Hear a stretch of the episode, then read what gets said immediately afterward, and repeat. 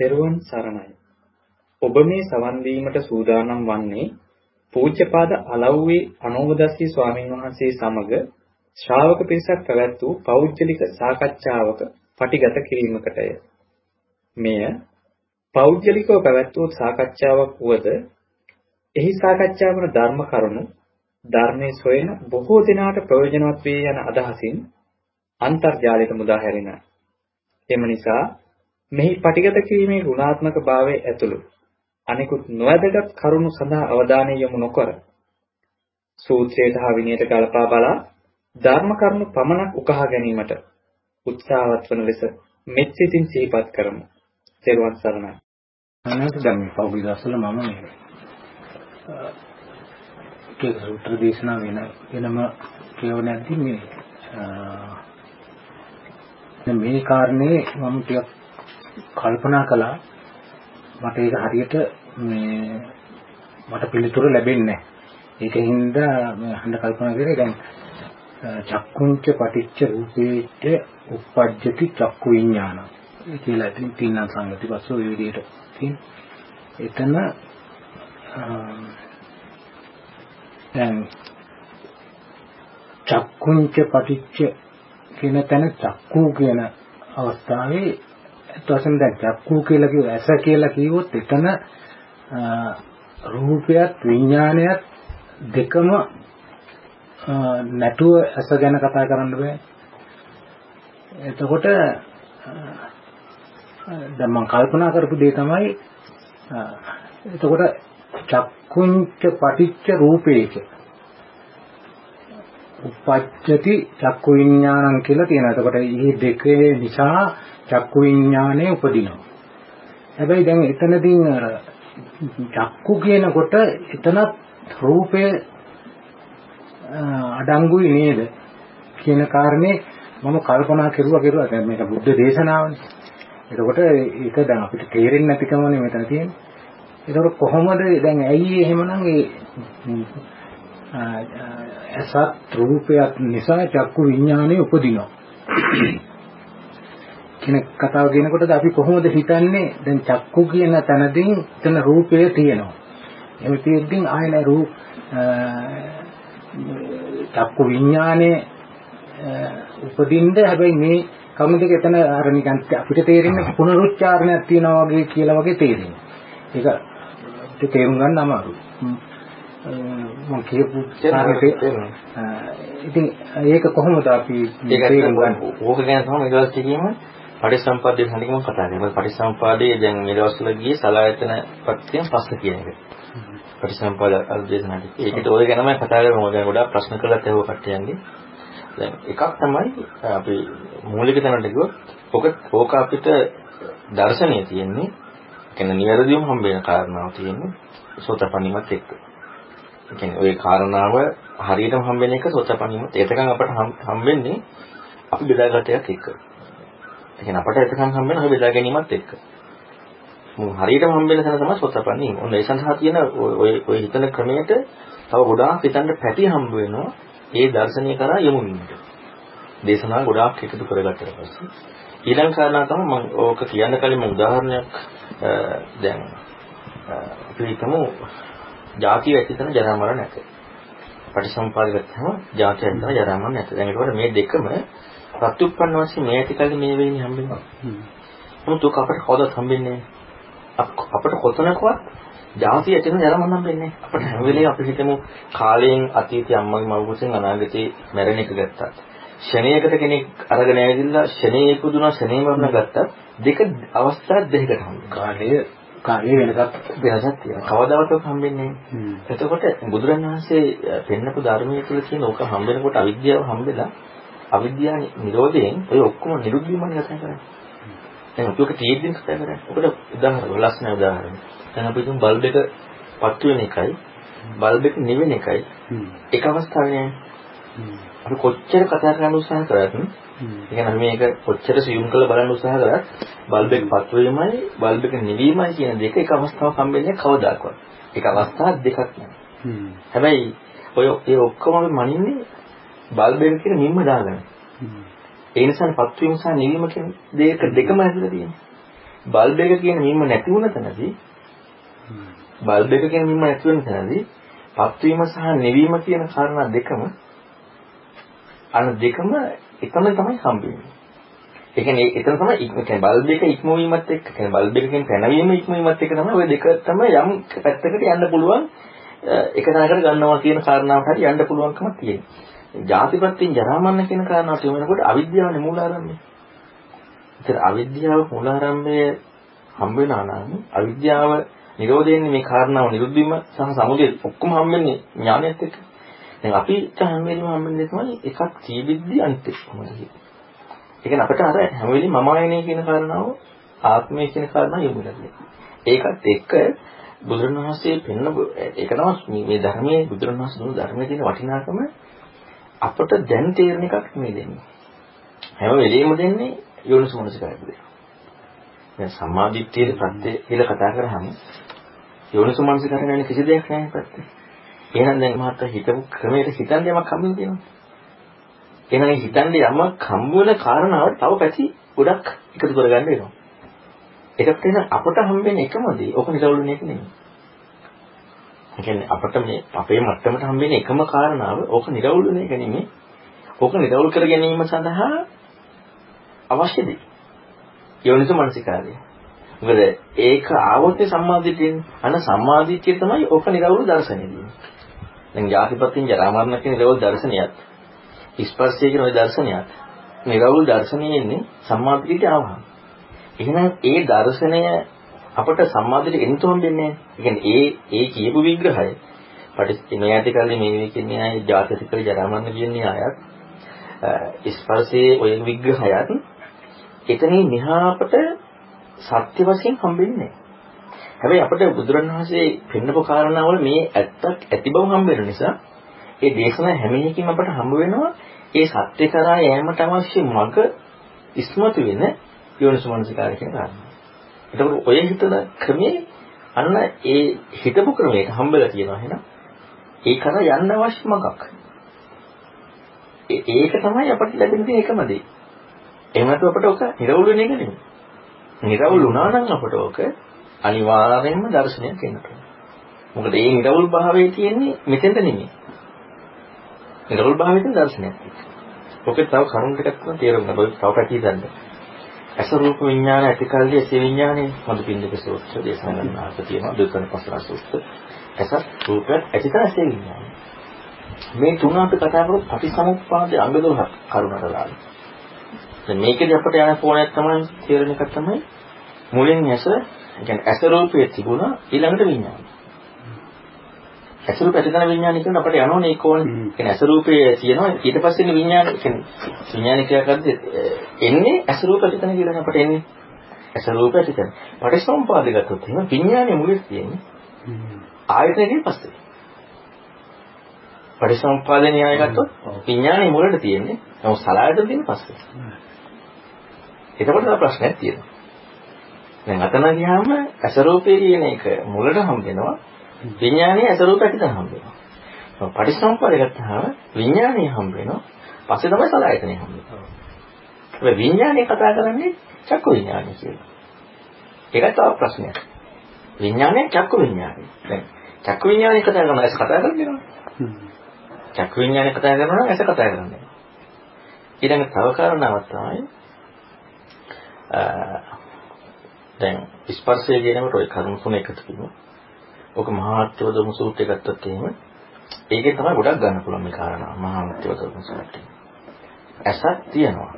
රූපයක් තියෙනවා. විඥාන පාසු භාවය වුණ නැත්තම් ඊට අදාළව සමන්නාහාරයක වචනකුත් දෙනවා. සමන්නාහාර යමු වෙලා නැතු විඥානයේ පාසු භාවය වුණ නැත්තම් සකස් වෙන්නේ නැහැ කියනවනේ. එතකොට අපට ඒ සකස් වෙන්නේ නැති පැත්ත ඉවහාර කරන තැනදී විග්‍රහ කරන තැනදී හොඳට අහන්න මේ කාරණා. සකස් වෙන්නේ නැති පැත්ත ඉවහාර කරනකොට ඇස තියෙනවා, රූපේ තියෙනවා. ඇසේ විඥානය පහළ වෙන්න අවශ්‍ය සමන්නාහාරත් එක්ක ආවේ නැතිනම් පංච උපාස්කන්ධ සකස් වෙන ක්‍රියාවලිය හම්බෙන්නේ නැහැ.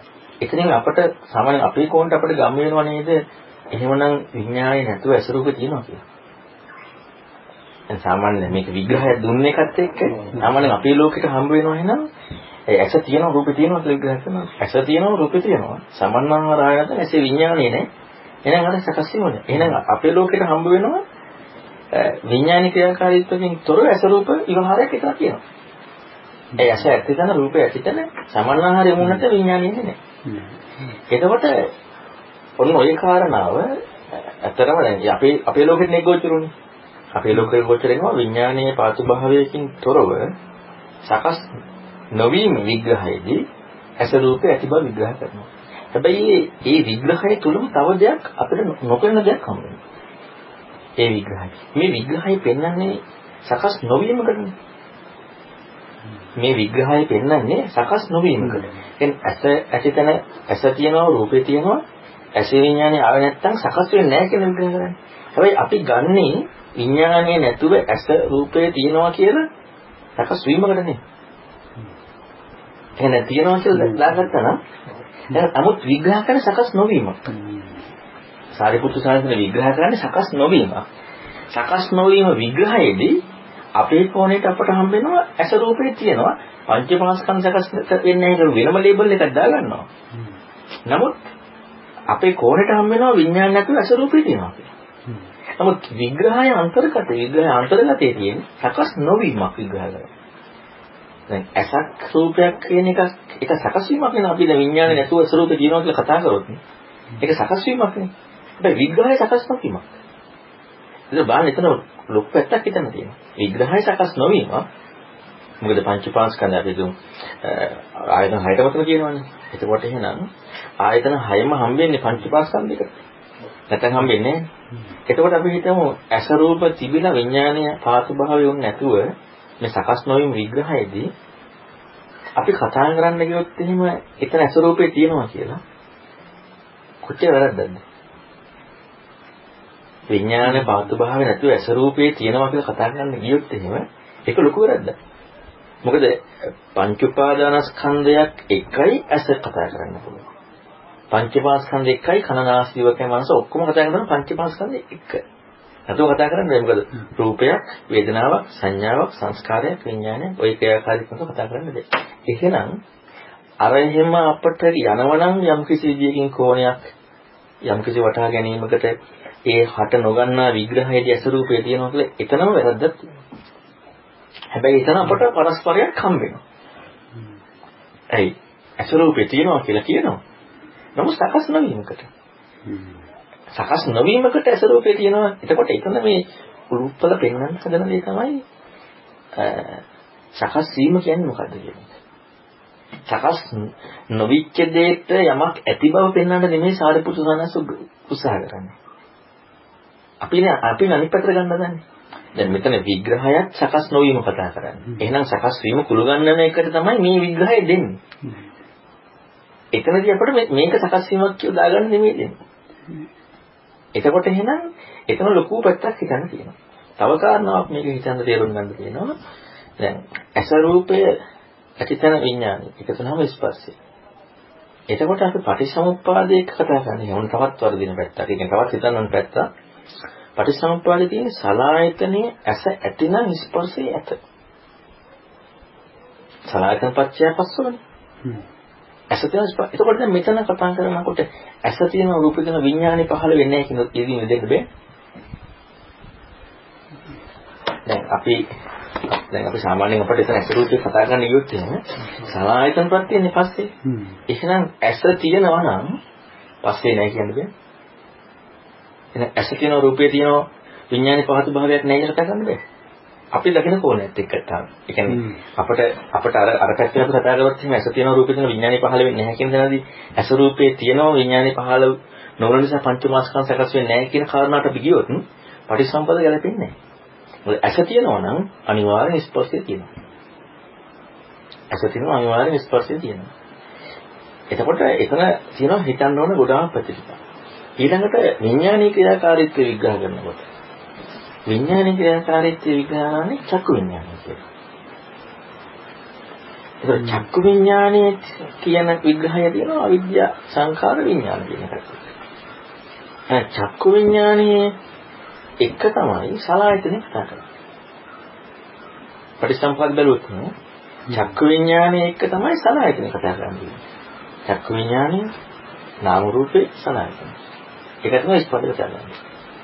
එතකොට එහෙම බැලුවහම ඇස රූපය කියන කාරණාව අපි ලෝකයේ දාගන්න කාරණාවත් අපේ නුවණ වර්ධනයේ තේරුම් ගන්න සමහරට ලොකු පරස්පරයක් තියෙනවා. ඒ කියන්නේ මුලින්ම පටන් ගත්තේ කියනකොට මේ මේ දර්ශනීය සම්මාදිට්ඨියට විග්‍රහය අපිට ගන්න අපි විග්‍රහයේදී නිරවුල් භාවය ගන්න ගියොත් වරදිනවා. කියන්නේ මේ විග්‍රහය කියන්නේ බුදුරණවහන්සේ දුන්න ඇස රූපය එකතු ප්‍රසය රූපය විඥාන එකතු වීම කියන විග්‍රහය අපි දැනිරවුල් කරගන්න ගියොත් ප්‍රශ්නයක් ඇති වෙනවා. මොකද නිරවුල් කරගන්න බෑ. ඒ කවදාවත් නිරවුල් කරගන්න පුළුවන් දෙයක් නෙමෙයි. හැබැයි අපට දැන් ඔය කියපු කරුණු එක්කම බලන්න කොච්චර හිතන්න පැත්තක් තියෙනවා. ගොඩක් වැඩි දෙනා හිතන්නේ. එහෙනම් ඒක හම්බුණා නම් අපට. ඔය හිතන්න ඕන පැත්ත හම්බුණා නම් දැන් අපි තුල යම් වැඩ පිළිලක් කරන්න තියෙනවා. ඒ තමයි යෝනිසෝමනසිකාරය. එහෙනම් කරුණු ඔක්කොම පාදක කරන හිතන්න තියෙනවා. ඒ හිතන තැනදි තමයි යෝනිසෝමනසිකාරයේ තුලදි තමයි දර්ශනයකටයි ඔය න්‍යාය හම්බෙන්නේ. දර්ශනයක් එන්නේ නැතුව ඔය න්‍යාය කවදාවත් ඔය කාරණා විතර ගැලපෙන්නේ නැහැ. ඊළඟට අපිට යන්න පුළුවන් තව විදියකට තමයි දැන්. ඇස ඇතිතන රූප ඇතිතන මధు පිළික සූත්‍රය ගත්තාම ද්වේතාන පස්සන ද්විතීය ද්වේ සූත්‍රය ගත්තාම ඇස ඇතිතන රූප ඇතිතන විඥානේ පාතු භාවය කියනවා. එහෙනම් ඇස ඇතිතන රූප ඇතිතන කියලා එතන විග්‍රහ කරන තැනත් අත්‍යපදම සුර ඇස ඇතිතන රූප ඇතිතන විඥාන පාතු භාවයේ නොවන බවත් විග්‍රහ කරනවා. මනෝ මේ සමන්නාහාර යමුන් නැතිනම් මෙතන ඇති වෙන බව විග්‍රහ කරනවා. ඇස රූප ඇති විඥාන. එතකොට නම් මේ දෙක සංසන්දනයේදීත් අපිට ලොකු පැත්තකට යන්න තියෙනවා. ඒවට අපිට තව කාරණාවක් හිතන්න තියෙන බැරි හත්තරම සූත්‍රය ගත්තට පස්සේ. ඒ තමයි දැන් අපි සාමාන්‍ය පොදුවේ අහපු නැති වචනයක් නේ සමන්නාහාරය කියලා දාලා තියෙන්නේ. සමන් සමන්නාහාරය කියන එකේ තේරුම ආහාර ගොඩක පැවැත්ම තමයි අපිට කීපයක එකතු වීම. කීපයක් යොමු වීමක් වගේ අදහසක් තියෙනවා. එතකොට සජ්ජෝ සමන්නාහාර. සජ්ජෝ සමන්නාහාර. සජ්ජෝ කියන්නේ තේන් කියන එක. ඒ තුලින් කියන එක. සමන්නාහාර කියන එකේ තේරුම ආහාර කිහිපයක් යොමු වෙච්ච ගතිය. අපිට එක පැත්තක් හිතන්න තියෙනවා. දැන් මෙතන කුළු ගන්නලා හම්බුනේ විඥානේ. අත්‍යපදම සූත්‍රය.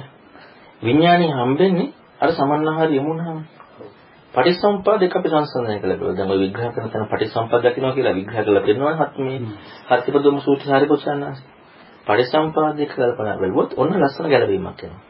විඥානය පාතුභාවය වෙන්න සමන්නාහාරය තියෙනට ඕනේ. ඒතර ඇස කතාවක් නැහැ.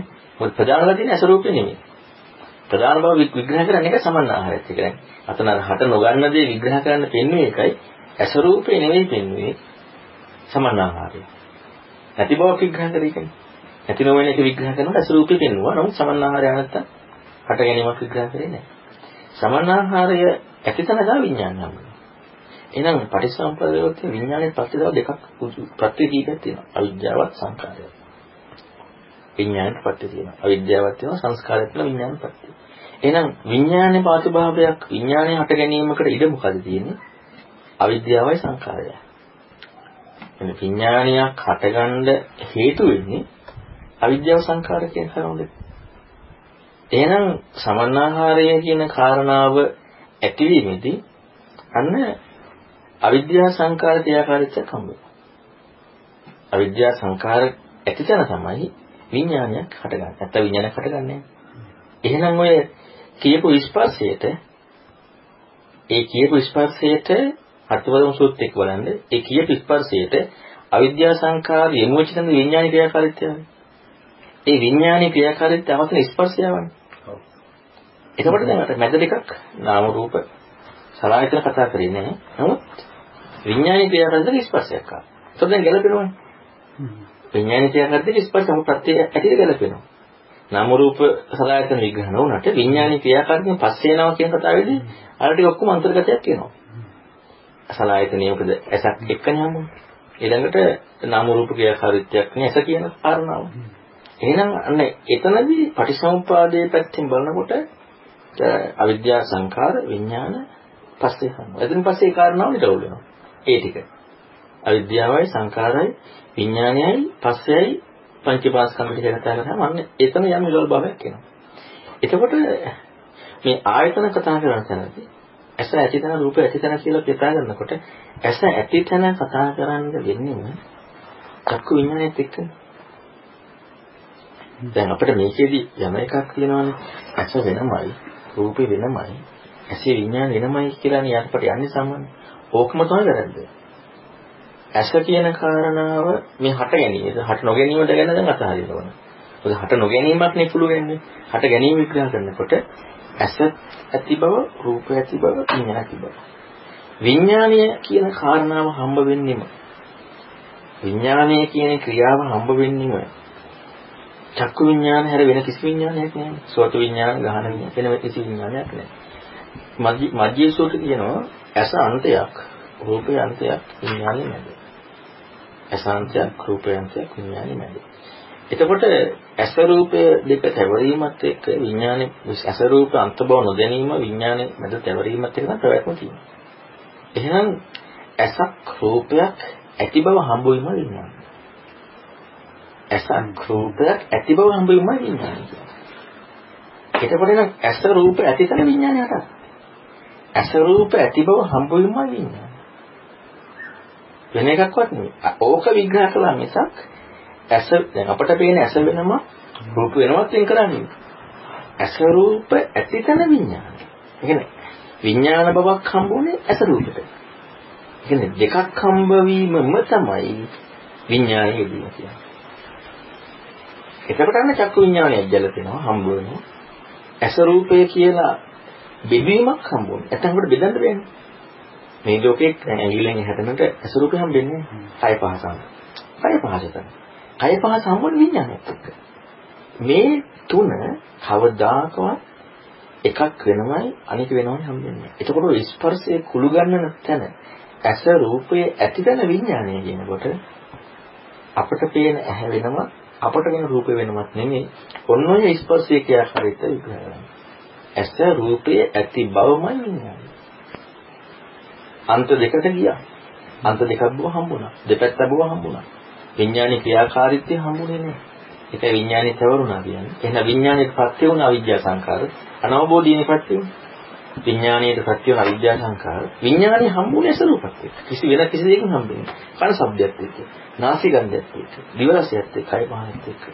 මොකද කිසි වෙන කිසිම විඥාන විග්‍රහයක් නැහැ. චක්සුත ගාන ජීවා කාය මන විඥාන හැර. විඥාන කියන්නේ චක්කු විඥාන, සෝත ගාන ජීවා කාය මන විඥාන. එතකොට අපිට තියෙන ලොකු පරාසයක් කල්පනා කරන්න. දැන් අපි දැන් ඔය මේ නිසරි ගොඩාක් කියවේ ගන්න මේ ස්පර්ශය කියන කරනවා අපිට මේ අපි මේ හිතන වගේ තේරෙන එකක් නෙවෙයි. දැන් අපි ස්පර්ශය කරන මගේ හැයි රූපයයි විඥාන එකතු වීම කියන කාරණාවනේ අපි තේරුම් ගන්න ඒ තේරුම් ගැනීම තුලම අපි ගිහිල්ලා තියෙනවානේ. මම දැන් අපි කිව්වට මගේ නැති මේ හැ කියලා කිව්වත් මේ හැ කියන එක අපිට මගේ පැත්තට නෙවෙයි තියෙන්නේ. එතකොට ඒ ඒ දුන්න විග්‍රහයට පරිසම්පද හම්බෙලා නැහැ. දැන් පටිච්චසමුප්පාද තුල විග්‍රහය වෙන ස්පර්ශයේ කතා කරන්නේ අපි යොමු වෙන්නේ මේ හැය අර රූපය කියලා. මේ හැය අර රූපය කියන පටිච්චසමුප්පාදේ සම්බල නැහැ. නමුත් මම ඇයි? නමුත් ඒ පටිච්චසමුප්පාද විග්‍රහය තමයි මේ හැය අර රූපය කියන්නේ. එතන පටිච්චසමුප්පාද එහෙනම් අපි අපි තේරුම් ගත්ත කාරණාව සම්පූර්ණයෙන්ම ස්පර්ශය නෙමෙයි. අපි තේරුම් ගත්තේ අපට තේරුච්ච එක. එතන ඇත්තටම තව රූප සම්පස්සේ කියලා විග්‍රහය දාසමානක සූත්‍රය. ධාතුනානත් සූත්‍රයේ රූප සම්පස්තන ඇස රූපේ ඇති බවමයි විඥානය. ආයි මගේ හැයි රූපේ කතා කරන දෙයක් නෑ. හැබැයි අපට හම්බ වෙනවා ඇති රූපය මොකද්ද කියන එක. දැන් අපි ස්පර්ශයක දාගන්නේ මේක ෆෝන් එකේ තේරුම් ගැනීම යන එකනේ. ඇහැට පෙනෙච්ච රූපේ මේක ෆෝන් එකේ තේරුම් ගැනීමට අපි ස්පර්ශ දාගන්නවා. කනට ඇහිච්ච ශබ්ද මේක හුළඟනේ අපට හම්බ වෙන්නේ. අපට මේ හුළඟ කියලා තේරුම් ගැනීමට අපි ස්පර්ශ දාගන්නවා. ඊළඟට කායයට දැනෙන පහස මොකද්ද කියන එක තේරුම් ගන්න ප්‍රේෂ්පා. නමුත් ඒක චක්කු සම්පස්සේ නෙමෙයි. චක්කු සම්පස්සේ කියන්නේ ඇස රූප ඇති බවම චක්කු සම්පස්සේ. අපට දැන් හම්බුනේ මේක ෆෝන් එක නම් රූපය මොකද්ද කියලා මේ දැක්කේ. මේ අපි දැක්කේ රූපේ මොකද්ද කියලා. මේ රූපේ ෆෝන් එක. කාටද මේ රූපේ හම්බුනේ? මට හම්බුනේ. මගේ හැට රූපේ හම්බුනේ. අන්න ඒක තමයි රූප සම්පස්සේ. අපි මේ රූපය ඔස්සේ කල්පනා කරන්න පටන් ගත්තා. ඇස රූප ඇති තැනම ඇස රූප ඇති බව හම්බ වීමෙදිම අපට මේ මේ රූපය මගේ මට ගෝචර මොකද්ද? ඒ හොඳම උදාහරණයක් ගන්න පුළුවන්. මට අම්මා දකිනකොට තාත්තට අම්මා දකිනකොට මට අම්මා දකින්නකොට අම්මා. තාත්තට භාර්යාව. එතකොට ඉස්සරහා තිබුණේ අම්මවත් භාර්යාවක් නෙමෙයි. මට අම්මම තාත්තට භාර්යාව. දැන් අපි ස්පර්ශ කරගන්නකොට අපි දාගන්න හදන්නේ මගේ ඇහි රූපය විඤ්ඤාණ එකතු වීම මම අම්මා දාගත්තා නෑ ඒකනේ. අපි දැන් තාත්තා හිතාගන්නේ තාත්තගේ ඇහි තාත්තගේ රූප තාත්තගේ පිට රූපේ එකතු වුණාම භාර්යාව වුණා කියලා. ඒතර පුජ්‍යලී කියලා ඉවරයි. පුජ්‍යලයි මේ දෙක කරන්නේ. දැන් ඒක නම් ක්‍රියාව දැන් ඇත්තට මේ ස්පර්ශයෙන් නම් මේ ක්‍රියාව අපි දාගත්තේ දෙන්නට මෙන්න මේක එකයි හම්බෙන්නේ. දෙන්නටම හම්බෙන්න ඕනේ එකම කෙනෙක්. මොකද දෙන්නගෙම දැකපු දේ එකක්නේ. දෙන්නගෙම එහෙනම් ක්‍රියාකාරීත්වය තුළ ඇතුලේ ක්‍රියාකාරීත්වයක් එක නේද? මට අම්මා තාත්තට භාර්යාව. මේ හේතු ප්‍රතික්‍රියාවල නෙමෙයි. පුජ්‍යලයක් ඇතුලේ ක්‍රියාකාරීත්වයට. තමයි මට අම්මා තාත්තට භාර්යාව. එහෙනම් මේ පුජ්‍යලත්වයක් ඇවිල්ලා හේතු ප්‍රතිධර්ම විග්‍රහය පුජ්‍යලත්වයි වෙනවා. හේතු ප්‍රතිධර්මය මොන පුජ්‍යලත්වයි වෙනවා. එහෙනම් අපි අර විග්‍රහයට ස්පර්ශය දාගන්න ගියොත් ස්පර්ශයෙන් තමයි මේ කරුණ දෙක වෙන්නේ කියලා. ස්පර්ශයෙන් ওই කරුණ දෙක කතා කරන්න බැරි නෙවෙයි. ස්පර්ශයේ ස්පර්ශයෙන් මේ ක්‍රියාව දැක්කම දෙන්නම මමත් දැක්කම ස්පර්ශයෙන් මේ ක්‍රියාව. තාත්තත් දැක්කම ස්පර්ශයෙන් මේ ක්‍රියාව. මට මම බවත් තාත්තත් තාත්ත බවත් කියන කාරණාව අතහැරෙන්නට ඕනේ. එහෙම අතහැරුණා නම් අන්න දෙන්නටම ආව රූප සම්පස්සේ ගිහිල්ලා මට අම්මා තාත්තට බහරය වෙන්නේ. ඒක රූප සම්පස්සයක් කියන්නේ. චක්කු විඥානයත් එක්ක අටගත්ත චක්කු සම්පස්සේ ළඟට රූප සංඥා රූප සංකේතනයි රූප විතක්කේ ඊළඟ රූප සම්පස්සේ. ඔය රූප සම්පස්සයත් එක්ක තමයි දැන් මගේ හැට රූපේ හම්බෙලානේ. මට හම්බෙච්ච රූප මොකද්ද? මට හම්බෙච්ච රූප මම තේරුම් ගත්තා. ඒක මොකද්ද කියලා අන්න මගේ කෝණයත් එක්ක ගියා.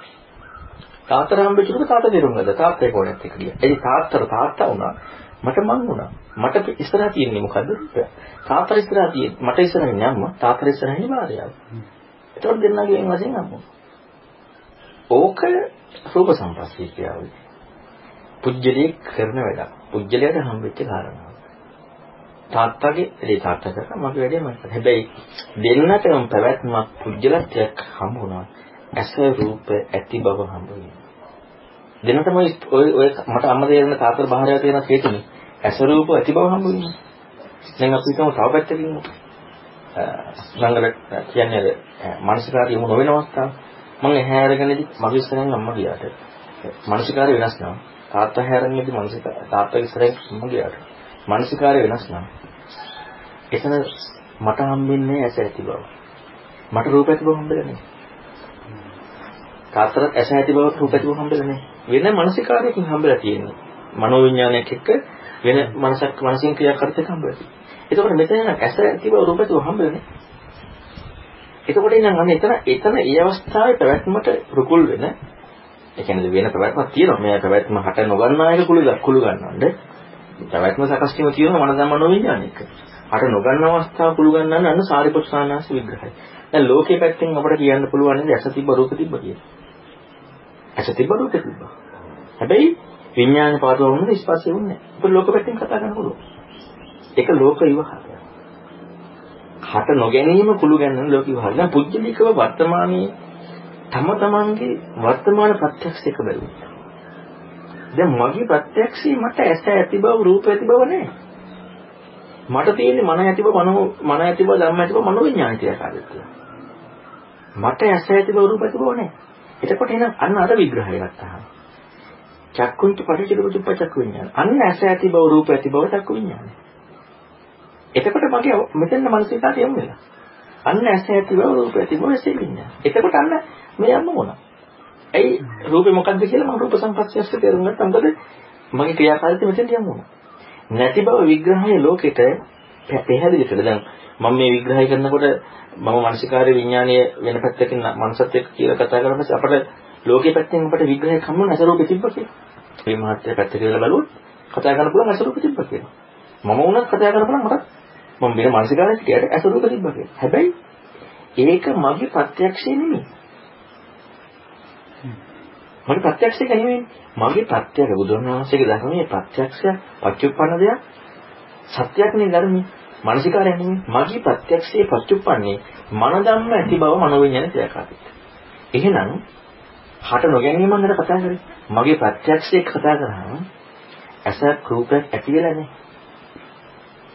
මගේ ප්‍රත්‍යක්ෂයක් කතා කරනකොට ඇසක් රූපයක් ඇති වෙලා නැහැ. හැබැයි අපේ කල්පනාව එක විග්‍රහයේදී අපට ලෝකෙට ආපු විග්‍රහයේදී ඇස රූපේ තිබුණා කතා කරන්න පුළුවන්. නමුත් මගේ ප්‍රත්‍යක්ෂ ඇස රූපේ නැහැ. ඇස රූප ඇති බව හම්බුනේ. ඇස රූප ඇති බව හම්බුණා නම් විඥාන පාටිභාවයේ පටිසම්පාද ක්‍රියාවලිය ඊළඟට රූප සම්පත් එක්ක මේක මොකක්ද කියලා තේරුම් ගැනීම තියෙනවා. අර සූත්‍රේ ධාතු නානත්ත ධාතු නානත්ත. සංයුක්ත කැඩෙපි තියෙන. ඉතින් මේක මේ හිතා ගන්න බැරි සියුම් ගැඹුරු තීක්ෂණ බුද්ධියකින් යන්න ඕන ගමන. කියන්නේ කොහෙන් ගත්තත් අපට අපි අහු වෙන පැත්තකට යනවා. නිසා පස්සේ කියන කාරණා අපි තේරුම් ගත්ත කාරණා ඇත්තටම චක්කු සම්පස්සේ නෙමෙයි. චක්කු එකක් හරි සම්පස්සයක් අපට හරියට තේරුණා නම් අයි පොඩ්ඩක් මම මම හිතන්නේ මම ස්පර්ශය ගැන වෙනම දේශනාවක් කරපෙකද්ද පරවන එක. ඒක පොඩි කාරණාවක් කියලා තියෙනවා. ස්පර්ශය තේරුණා නම් යම් කිසි විදිහකට මේ වෙදීමත් එක්ක හයම හම්බ වෙනවා. මොකද පස්සේ කියනකොට හයත් එක්ක හයම හම්බ වෙනවා. එකක් හම්බ වෙනතර වෙන්නේ නැහැ. දැන් අපට ඇස රූපේ කියලා ලෝකෙ මෙහෙම බෙදන්න පුළුවන්. නමුත් අපට මන ධම්ම බෙදන්න පුළුවන් බෑනේ. කවදාවත් බෙදන්න බෑ මන ධම්ම. එහෙනම් අපි ස්පර්ශය කොහොමද දන්නේ? අපට මන ධම්මේ කොහෙන් ගත්තද බෙදන්න බෑ. නමුත් ඇස රූප බෙදන්න පුළුවන්. ඒ ලෝකයේ මට්ටමින් බලන්න. එහෙනම් අපි මෙච්චර කාලයක් ස්පර්ශي බෙද මට්ටම අපේ ලෝකෙ මට්ටම නිසා බුදුරණස් වෙන්න පුළුවන්. බුදුරණස් වෙන්න එක නම් අපට මන ධම්මත් බෙදා ගන්න පුළුවන් වෙනවා. නමුත් අපිට කවදාවත් මන ධම්ම බෙදා ගන්න බෑ. අන්නේ බෙදා ගැනීම හම්බවීම තමයි ස්පර්ශය. වන්න ගොඩාක් යෝනිසමන ඒකම දේ තමයි මෙතනින් පුළුල් වෙලා යන්න ඕන යෝනිසෝ මනසිකාරය තුළින් තමයි අවසානයේ එතකොටම කියන්නේ ඒක සම්මාදිට්ඨියටපත් වුණා නම් මේ ප්‍රශ්නේ ඉස්සෙල්ලා ඉස්සෙල්ලා. ඊළඟ තව එකක් තියෙනවා. ඒ තමයි අපිට යමෙක් සම්මාදිට්ඨියටපත් වුණා කියලා. සම්මාදිට්ඨිය යමෙක්පත් වුණා නම් පත්‍චිත කෙනාට පුද්ගලික අත්දැකීම කියන්න බෑ. මොකද ඒකට හේතුව පුද්ගලික අත්දැකීම කියන්න පුළුවන් නම් මේ ලෝකේ බුදුරණවහන්සේට පස්සේ ඉන්න ශ්‍රේෂ්ඨම කෙනා කවුද? පස්සේ බුදුරණවහන්සේ. බුදුරණවහන්සේට පස්සේ ඉන්න මේ ලෝකේ ශ්‍රේෂ්ඨම කෙනා පස්සේ බුදුරණවහන්සේ. පුද්ගලික අත්දැකීම කියන්න පුළුවන් නම් කියන එකම කෙනා කවුද? පළවෙනිම කෙනා පස්සේ බුදුරණවහන්සේ. හැබැයි පස්සේ බුදුරණවහන්සේ කියන්න බෑ. පස්සේ බුදුරණවහන්සේට කියන්න බැරි හැකියාවක් එතනින් පස්සේ කාටවත් තියෙන්න පුළුවන්. පස්සේ බුදුරණවහන්සේ කියන්නේ බුදු කෙනෙක්. කියන්න බෑ. හැබැයි සෝතපන්න කරන පුද්ගලයන් දෙකම කියන්න පුළුවන් ක්‍රමයක් තියෙනවා. ඒ තමයි බුද්ධ වචනේ. වෙන කිසි දෙයක් කියන්න බෑ. අපි නම් කිසි සෝතපන්නලා ওই විග්‍රහය කතා කරන්න ගියොත් හරියට සෝතපන්නවා නම් යම් කිසි කෙනෙක්. ඒක සෝතපන්න වෙලා නම් ඇත්තටම.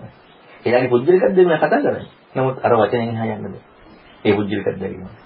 මොකද ඒ අත්දැකීම දෙන්න පුළුවන් උපරිම හොඳම මට්ටමේ දෘෂ්ටියකට නොවන මට්ටමේ තමයි බුදුරණවහන්සේ දුන්නේ.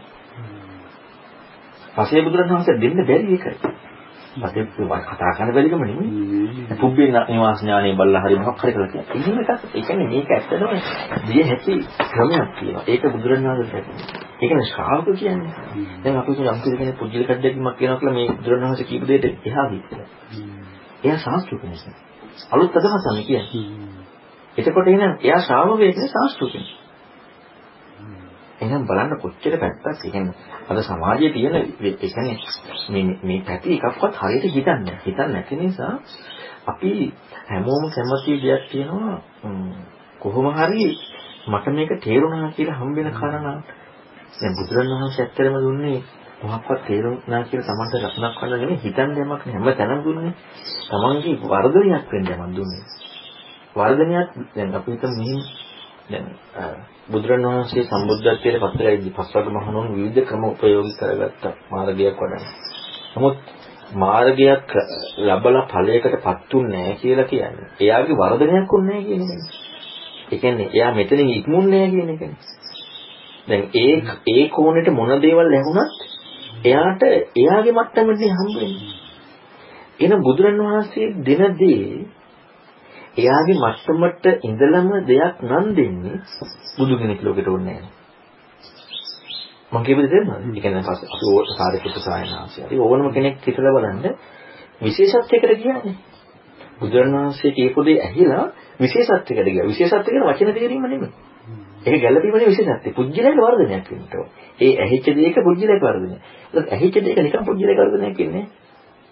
තමන් තුළ යම් වැඩ පිළිලක් වෙන්නට ඕනේ. ඒතර බුදුරණවහන්සේගෙන් ඇහින්නේ මොකටද? ඒක තේරෙන්න දෙන්නේ. අපි හිතන්නේ බුදුරණවහන්සේගෙන් යමක් ඇහෙන එක අපට තේරෙන්න ඕනේ.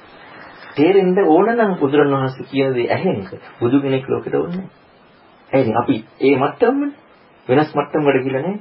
එහෙනම් බුදුරණවහන්සේගෙන් ඇහෙන දේ තුළින් අපට වෙන්න ඕන දේ තමයි තේරෙන එක නෙමෙයි අපි ඉහළ මට්ටමකට යන්නට ඕන. එහෙනම් ඇහෙන දේ තුලින් අපට ඉහළ මට්ටමකට යෑම සඳහා යම කොයි හම්බෙන්නද තේරෙන එකක් නෙමෙයි. ඉහළ මට්ටමට ගිය තැනදී මේක තේරෙන්න ඕනේ තියෙනවා. ඉහළ මට්ටමකට යන්න ඕන විග්‍රහය දුන්න එක ඉහළ මට්ටමකට ගිය තැනදී ඒක තේරෙන්න ඕනේ. එහෙනම් පටිච්චසමුප්පාද දර්ශන ඔක්කොම තේරෙන්නේ ඉහළ මට්ටමට ගියා.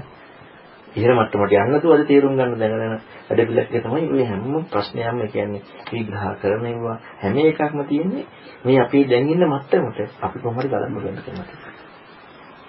ඒකත් එක්ක ඒ කියන්නේ අපිට හිතෙන්නේ නෑ මේක මේ ඉහළකට ගිහිල්ලා හම්බෙන්න එකක් කියලා. හැබැයි හරියට ඇහෙන කෙනාට තියෙන ලක්ෂණය තමයි එයාට හරියට හිච්ච කෙනාට මම මේ දේශනා ටිකේ ඔක්කොම කිව්වේ ඒක තමයි. ඒක ඕකත් අල්ලගන්නේ කියලා. ඒ කියන්නේ තේරෙන්නේ නැති බව හම්බුම තමයි හරියට ධර්ම හසුත් කියන ලක්ෂණය. තේරෙන්නේ නැති බව හම්බුම. දැන් ඕක කිව්වට පස්සේ සමහර විට දැන් මට තේරෙන්නේ නැහැ ඒක නතර වෙයි කියලා. එතකොට දැන් ධර්මය හම්බුනේ කියලා ඒ පැත්තෙන් කියලා. ඒකට හේතුව දැන් තේරුණා නම් ඉතල බලන්න තේරුණා නම් කියපු කාරණාව තේරුනේ මගේ මට්ටමට තේරුනේ. එන විශේෂත්වයක් කරලා කියන්නේ තේරුම් නැති තේරුම් නැහැ කියලා ඉස්සල්ලාම හම්බුනාට පස්සේ නෝන තියෙන කෙනා මොකද කරන්නේ? තේරුම් ගන්න හොයන උත්සාහ කරනවා. හැබැයි මොල් නෝන නැති කෙනා ඒක කරන්නේ අන්න ඒකයි නෝන තියෙන කෙනාට මේ ධර්මය කියන්නේ. නෝන තියෙන කෙනාට තේරුම් නැති තැනදී අපි සාමාන්‍ය ලෝකීය විවහාරයක් කරන් බලනකොට ඇල්බර්ට් අයින්ස්ටයින්, පයිතගරස්. එයාලා බුද්ධිමත් අය. එයාලට ධර්මය මොන අවබෝධ ගන්න ඉඩ තිබ්බා. ඒ කට්ටියන්ට යම් පැත්තකින් Tamanට හම්බ නැති කියාක්ම හොයාගෙන ගියේ. හොයාගෙන ගිහිල්ලා එයාලා යමක් හොයාගත්තා. ඒකෝට එයා දැන් ඇල්බර්ට් අයින්ස්ටයින්ට එයා දන්න අහිච්ච දේවල් හරි යාගේ ලෝකේ හම්බෙච්ච දෙයකට එහාගේ උදැල්ල දැන් හොයාගත්තේ. එතකොට එහෙනම් එයා එහා ගිය දෙයකට හොයා හොයාගෙන යන්න එයා කල්පනා කරන්න පටන් ගත්තා. හිතන්න පටන් ගත්තා. එයාට එයා දන්න මට නෝන ඉහළ දෙයකට යමු වෙන්නේ. එතකොට මේ බුද්ධිමත් කෙනාට ලක්ෂණය තමයි එහෙම දෙයක් හම් වෙනකොට දැන් අපිට සාමාන්‍යයෙන් ඒක හිතෙන්නේ නැහැ. ඒක අපිට සාමාන්‍යයෙන් හිතෙන්නේ නැහැ. මොකද අපිට අපේ සාමාන්‍ය කැමති දේ තමයි දන්න දේම කරගෙන යන්න. නමුත් අර කට්ටියෙන් ගතියක් තියෙනවා. ඒකට එහා යන්න කියලා. එයාලා උත්සාහ කරා Taman දන්න දෙයට වඩා එහා දෙයක් හොයන්න. අන්න අන්න හිතන්න කියලා. ඒකනවල බුදුරණවහන්සේ ධර්මයක් හමුනොත් එහෙම අන්න හිතන්න දේ හම්බෙලා තියෙනවනේ. එයාලා හිතනවා. අන්න එවැනි ජීවිතයකට තමයි බුදුරණවහන්සේගේ ධර්මයේ තුලින් ඉස්සරහට යන්න පුළුවන්කම තියෙනවා. එහෙනම් බලන්න කොච්චර දෙයක් අපි නොසිතුවට දැන් අපි ඇත්තටම අද බෞද්ධ සමාජය පිළි ධර්මයේ පුත්‍රය කතා කරත් ඒ ඒක ලේසියෙන් කෙනෙකුට හම්බෙන එකක් නෙවෙයි. මොකද හේතුව අර දැන් අපි සාමාන්‍ය ලෝකේ පුතජන ලෝකේ විවහාරයෙන් බැලුවොත් ගණිතඥයෝ විද්‍යාඥයෝ කියන අය අල්පයි. ඉතාම අල්පයි. එතකොට ඒ අල්ප බවටත් වඩා අල්ප බවක් තමයි. මොකද ඒකට බහුතිකවාදියත් එක්කනේ දැන් ඒ ගණිතඥ විද්‍යාඥයන්ට සමහරට හැමෝටම හම්බෙන්න එකක් නැති මේ ධර්මයේ හැමෝම ධර්ම දකින්න එකක් නැති මොකද ඒකට යම් පුණ්‍ය ශක්තිය ගොඩක් ඇති තියෙනවනේ. හැබැයි ඒ ඒ අයට මේක මේ මේ මේක ගෝච් කියන්නේ මේ එයාලගේ හිතීමේ හැකියාව තියෙන නිසා විචක්ෂණ ගතිය තියෙන නිසා එයාලාට ඇහිච්ච දේවල් හොයන්න පටන් ගන්නවා. ඉස්සල්ලාම ඒක හොයන්න පටන් ගන්න කෙනෙක් ශ්‍රද්ධාව ඕනේ. ඒ ශ්‍රද්ධාව අපට බුදුරණවහන්සේට තිබුණාට හැකියාවක් ඒක පුළුගන්ලා දෙන්න. අනික් කාට ඒක නෑනේ. බුදුරණවහන්සේ කියපු දෙයක් කියන්නේ. එහෙනම් ඒ කෙරෙහි හරි කියලා විශ්වාසයක් එක දැන් අපිට තියෙන විශ්වාසය හරි කියලා. ඔන්න ඔය විශ්වාසයේ ගණිතඥ විද්‍යාඥයන් තිබුණා නම් ඒකට කියන්න පුළුවන් මාර්ගය ඉවර කරගන්න. මොකද ඒක එයාලා ගැන හිතින්නේ නැහැ කියලා. මොකද දන්න දෙයට එහා කියපු දෙයකට යන්න ඕනේ. අර හිතින්නේ කියලා. අන්නේ ගතිය තියෙන්නට ඕනේ ධර්මයට. ඒ කියන්නේ ඔය භෞතික දෙයකනේ. ඊට වඩා සාමාන්‍ය ප්‍රකාරයෙන් ඊට හත්පසින් එහා දෙයක් නෙවෙයි ධර්මයේ. එහෙනම් කොච්චර හැකියාවක් තියෙන්නට ඕනේ. අසාමාන්‍ය හැකිය. එතකොට අපිට දැන් ටික ටික ටික ටික හරි ඔය හැකියාව ටික ටික දිනු කරගන්න උත්සාහ කරලා අපි හැම වෙලේම කැමතියි. මම දන්න දේට වඩා එහා දෙයකට යන්න. ඊළඟට ඔක තව ලස්සනට ගැලපෙන එකක් තමයි බුදුරණවහන්සේ දුන්න ධර්මයේ මූලාරම්භව සක්කාය දිට්ඨිය කඩන එක. මම කියලා ගැනීම වැරදි කියන බව හම්බ වෙන එක. දැන් එහෙනම් අපි හැම වෙලෙම අපි මම කියන දෙයට නම් ගැලපුණේ මම කියන කන වැරදි කියලා හම්බෙලා නේ. දැන් මට ගැලපෙන්නේ මම හරි නිසානේ. මට මේක ගැලපෙන්නේ මම හරි නිසා. මම ඉන්න නිසානේ මට ගැලපෙන්නේ. එහෙනම් අපි අහන ඔක්කොම දැන් මට ගැලපෙනවනේ මම ඉඳලා. දැන් අපි අහන ධර්මයේ සේර මට ගැලපෙනවා නම් මගේ දැනුමට මම දන්න දෙයට මම ඉඳලා. එහෙනම් සක්කාදිට්ඨිය වෙනවා කොහොමද තියෙන්නේ? ඒ බුදුරණවහන්සේ කියලා මට ගැලපෙන්නේ අන්න ධර්මයේ පටන් ගැනීම තියෙන දේ සක්කාදිට්ඨිය කියන්නේ. ඒකයි ඒකට දෙන්න පුළුවන් එකම වචනේ ධර්මයේ හරි විතරනේ. දැන් වෙන්නේ දැන් මට ගැලපුණා නෙමෙයි මේක කියන්න දෙන්නේ. ධර්මයේ හරි ඉච්චරයි. මට ගැලපුණා වුණා නම් මමයි මම ඉඳපු නිසා මට ගැලපුණා. ඒ මගේ කෝණයට ගැලපුණේ. සක්කාදිට්ඨිය කැඩීමේදී මට ගැලපුච්ච දෙයක් නෑ. ඒ කියපු ධර්මයේ හරි. ඌ පැත්තක් තියෙනවා ධර්මයේ කියන්නේ. ඇත්තටම මම මේකයි අර ගොඩක් යුද්ධ කතා කරන්න කැමැත්තක් තියෙන්නේ මේ ධර්මය අහන ප්‍රසත් එක්ක. මොකද ඒ වගේ පැති ගොඩාක් අපිට මේ සාකච්ඡාවෙන් යුද්ධ කරගන්න පුළුවන්. ඕක පුදුම 50කට 100කට කතා කරන එකට මම තේරෙන්නේ නැහැ. ඒක ඒක තේරෙන්න ඒ ඒ යම් හරි පොඩ්ඩක් හරි ඒකට සල්ලු වීමක් තියෙනවා. ඔය විදිහ කතා කරනකොට බලන්න නොගැලවීමක් කියන්නේ. අන්න ඒකයි අන්න හට ගන්නවා ප්‍රීතිය, හට ගන්න සතුට තේරුණා කියලා නෙමෙයි. නමුත් මේක මේ පුදුම සුන්දර දෙයක් නේ කියන කාරණාවක් එක අර සතුටක් වේදිය අන්න තව තවත් කුළු ගැන්වෙනවා ඒකට යොමු වෙන්න. එතන තමයි මාර්ගය. ඒ කියන්නේ සාකච්ඡා ශ්‍රවණී ওই දෙක අනුග්‍රහ වුනේ නැත්තම් කොහොමද පටන් ගන්නම ශ්‍රවණීනේ. ශ්‍රවණීය සාකච්ඡාව අනුග්‍රහ වුනේ නැත්තම් මාර්ගය ඉදිරියට යන්නේ ඔහොම කාරණාවක් අපි නිකන් අපි එද කතා කරන හැටි නිකන් ගිහිල්ලා නිකන් දෙවියෙක් කියලා ඉපදුනට ඕක ඕක නිකන් ඕක හම්බෙන එක නෙවෙයි. ඕක නිකන් හම්බෙන එක නෙවෙයි. ඔය හැකියාව ඇති කරගත්ත කෙනෙකුට ඔන්න දෙවි රෝගියට පස්සේ ඔන්න කෙනෙක් කියන එක හරි මොකද හිත හිතන හැකියාව පොඩක් වැඩි අන්න හම්බෙන්නේ කොහොමද නිකන් හම්බෙන්නේ කියන්නේ. දැන් ගොඩාක් මේ ඔය හිතන එකයි ඒ දැන් ඔය කියපු කරුණු ඔක්කොම බලන්න කොච්චර ධර්මයට ගැලපෙනවද යෝනිසු මනසිකාරේ වෙන කිසි දෙයක් නෙමෙයි යෝනිසු මනසිකාරේ උදා වුණා නම් අරුණ උදා වුණා කිය. මේ මේ මොකේද සෝතපන්න වෙන්නේ. එතකොට ධර්මයේ තේරුණා නම් සෝතපන්නවා කියන්නේ සෝතපන්න වීමටයි ධර්මයේ තේරුණා කියන්නේ. සෝතපන්න වෙන්න යෝනිසු මනසිකාරේ උදා වුණා නම් තමයි සෝතපන්නේ. ඒ යෝනිසමනස ගැන බලෙන් උපදවා ගන්න. මේ මේ ළඟදී දේශනාවේ තර්කයේ යෝනිසමනස ගැන දෙක විග්‍රහ කරා. තර්කය සහ යෝනිසමනස ගැන වෙනසක් තියෙනවා. තර්කය තර්කය කියලා කියන්නේ මම දන්න දේත් එක්ක ගැලපෙන එකනේ. දැන් මට දැන් අපි නීතිය හරි නීතියත් එක්කනේ මේ තර්ක කරන්නේ. දැන් මේතන මට ගැලපෙන දේත් එක්ක. දැන් මට ගැලපෙනවා නම් හරි. නොගැලපෙන දේ ගලපන්න තර්ක කරන්නේ. නොගැලපෙන දේ ගලපන්න තරක කරන හැම වෙලෙම. විචක්ෂණයේ අනිත් පැත්ත. තරකයේ තියෙන්නේ Taman හරි කියලා ගන්න පැත්තට විචක්ෂණයේදී නොතේරුණ දෙයක් හම් වෙනවා. ඒක තේරුම් ගන්න හිතනවා. නොතේරුණ දේ තේරුම් ගන්න හිතනකොට මම වැරදි බව හම් වෙනවා. අන්න යෝනිසමනසිකාරයේ වෙනසයි තරකයේ වෙනසයි. තරකයේ හැම වෙලෙම මට ගැලපෙන්න හම් වෙනවා. විචක්ෂණයේදී නොතේරුණ දේ හම්බ වීමේදී දැන් දැන් සාමාන්‍ය තරකයේදී මම හරි කියලා මේක මේකට ගන්න හදන්නේ. මේක මට නොතේරුණ නිසා විචක්ෂණයේදී අනිත් පැත්තට යන්න හදන්නේ. මේක මේක හරි කියලා පිළිඅරගෙන එතෙන් යන්න හදනවා මිසක් මේකත් හරි කියලා හිතාගෙන මෙතන ගලපනවා හදනවා නෙමෙයි. අපි දන්න දැනුම හරි ඕන දෙයක් හරි මෙතෙන්ද අරන් ගලපන එකක් නෙමෙයි. අතෙන්ද යන්න අන්න විචක්ෂණය. පැති දෙකක්. ගොඩක් අයට තියෙන විචක්ෂණයේ තර්කය. ඒ කියන්නේ අපි දන්න දේත් එක්ක ලෝකෙත් එක්ක ගලපන් තමයි.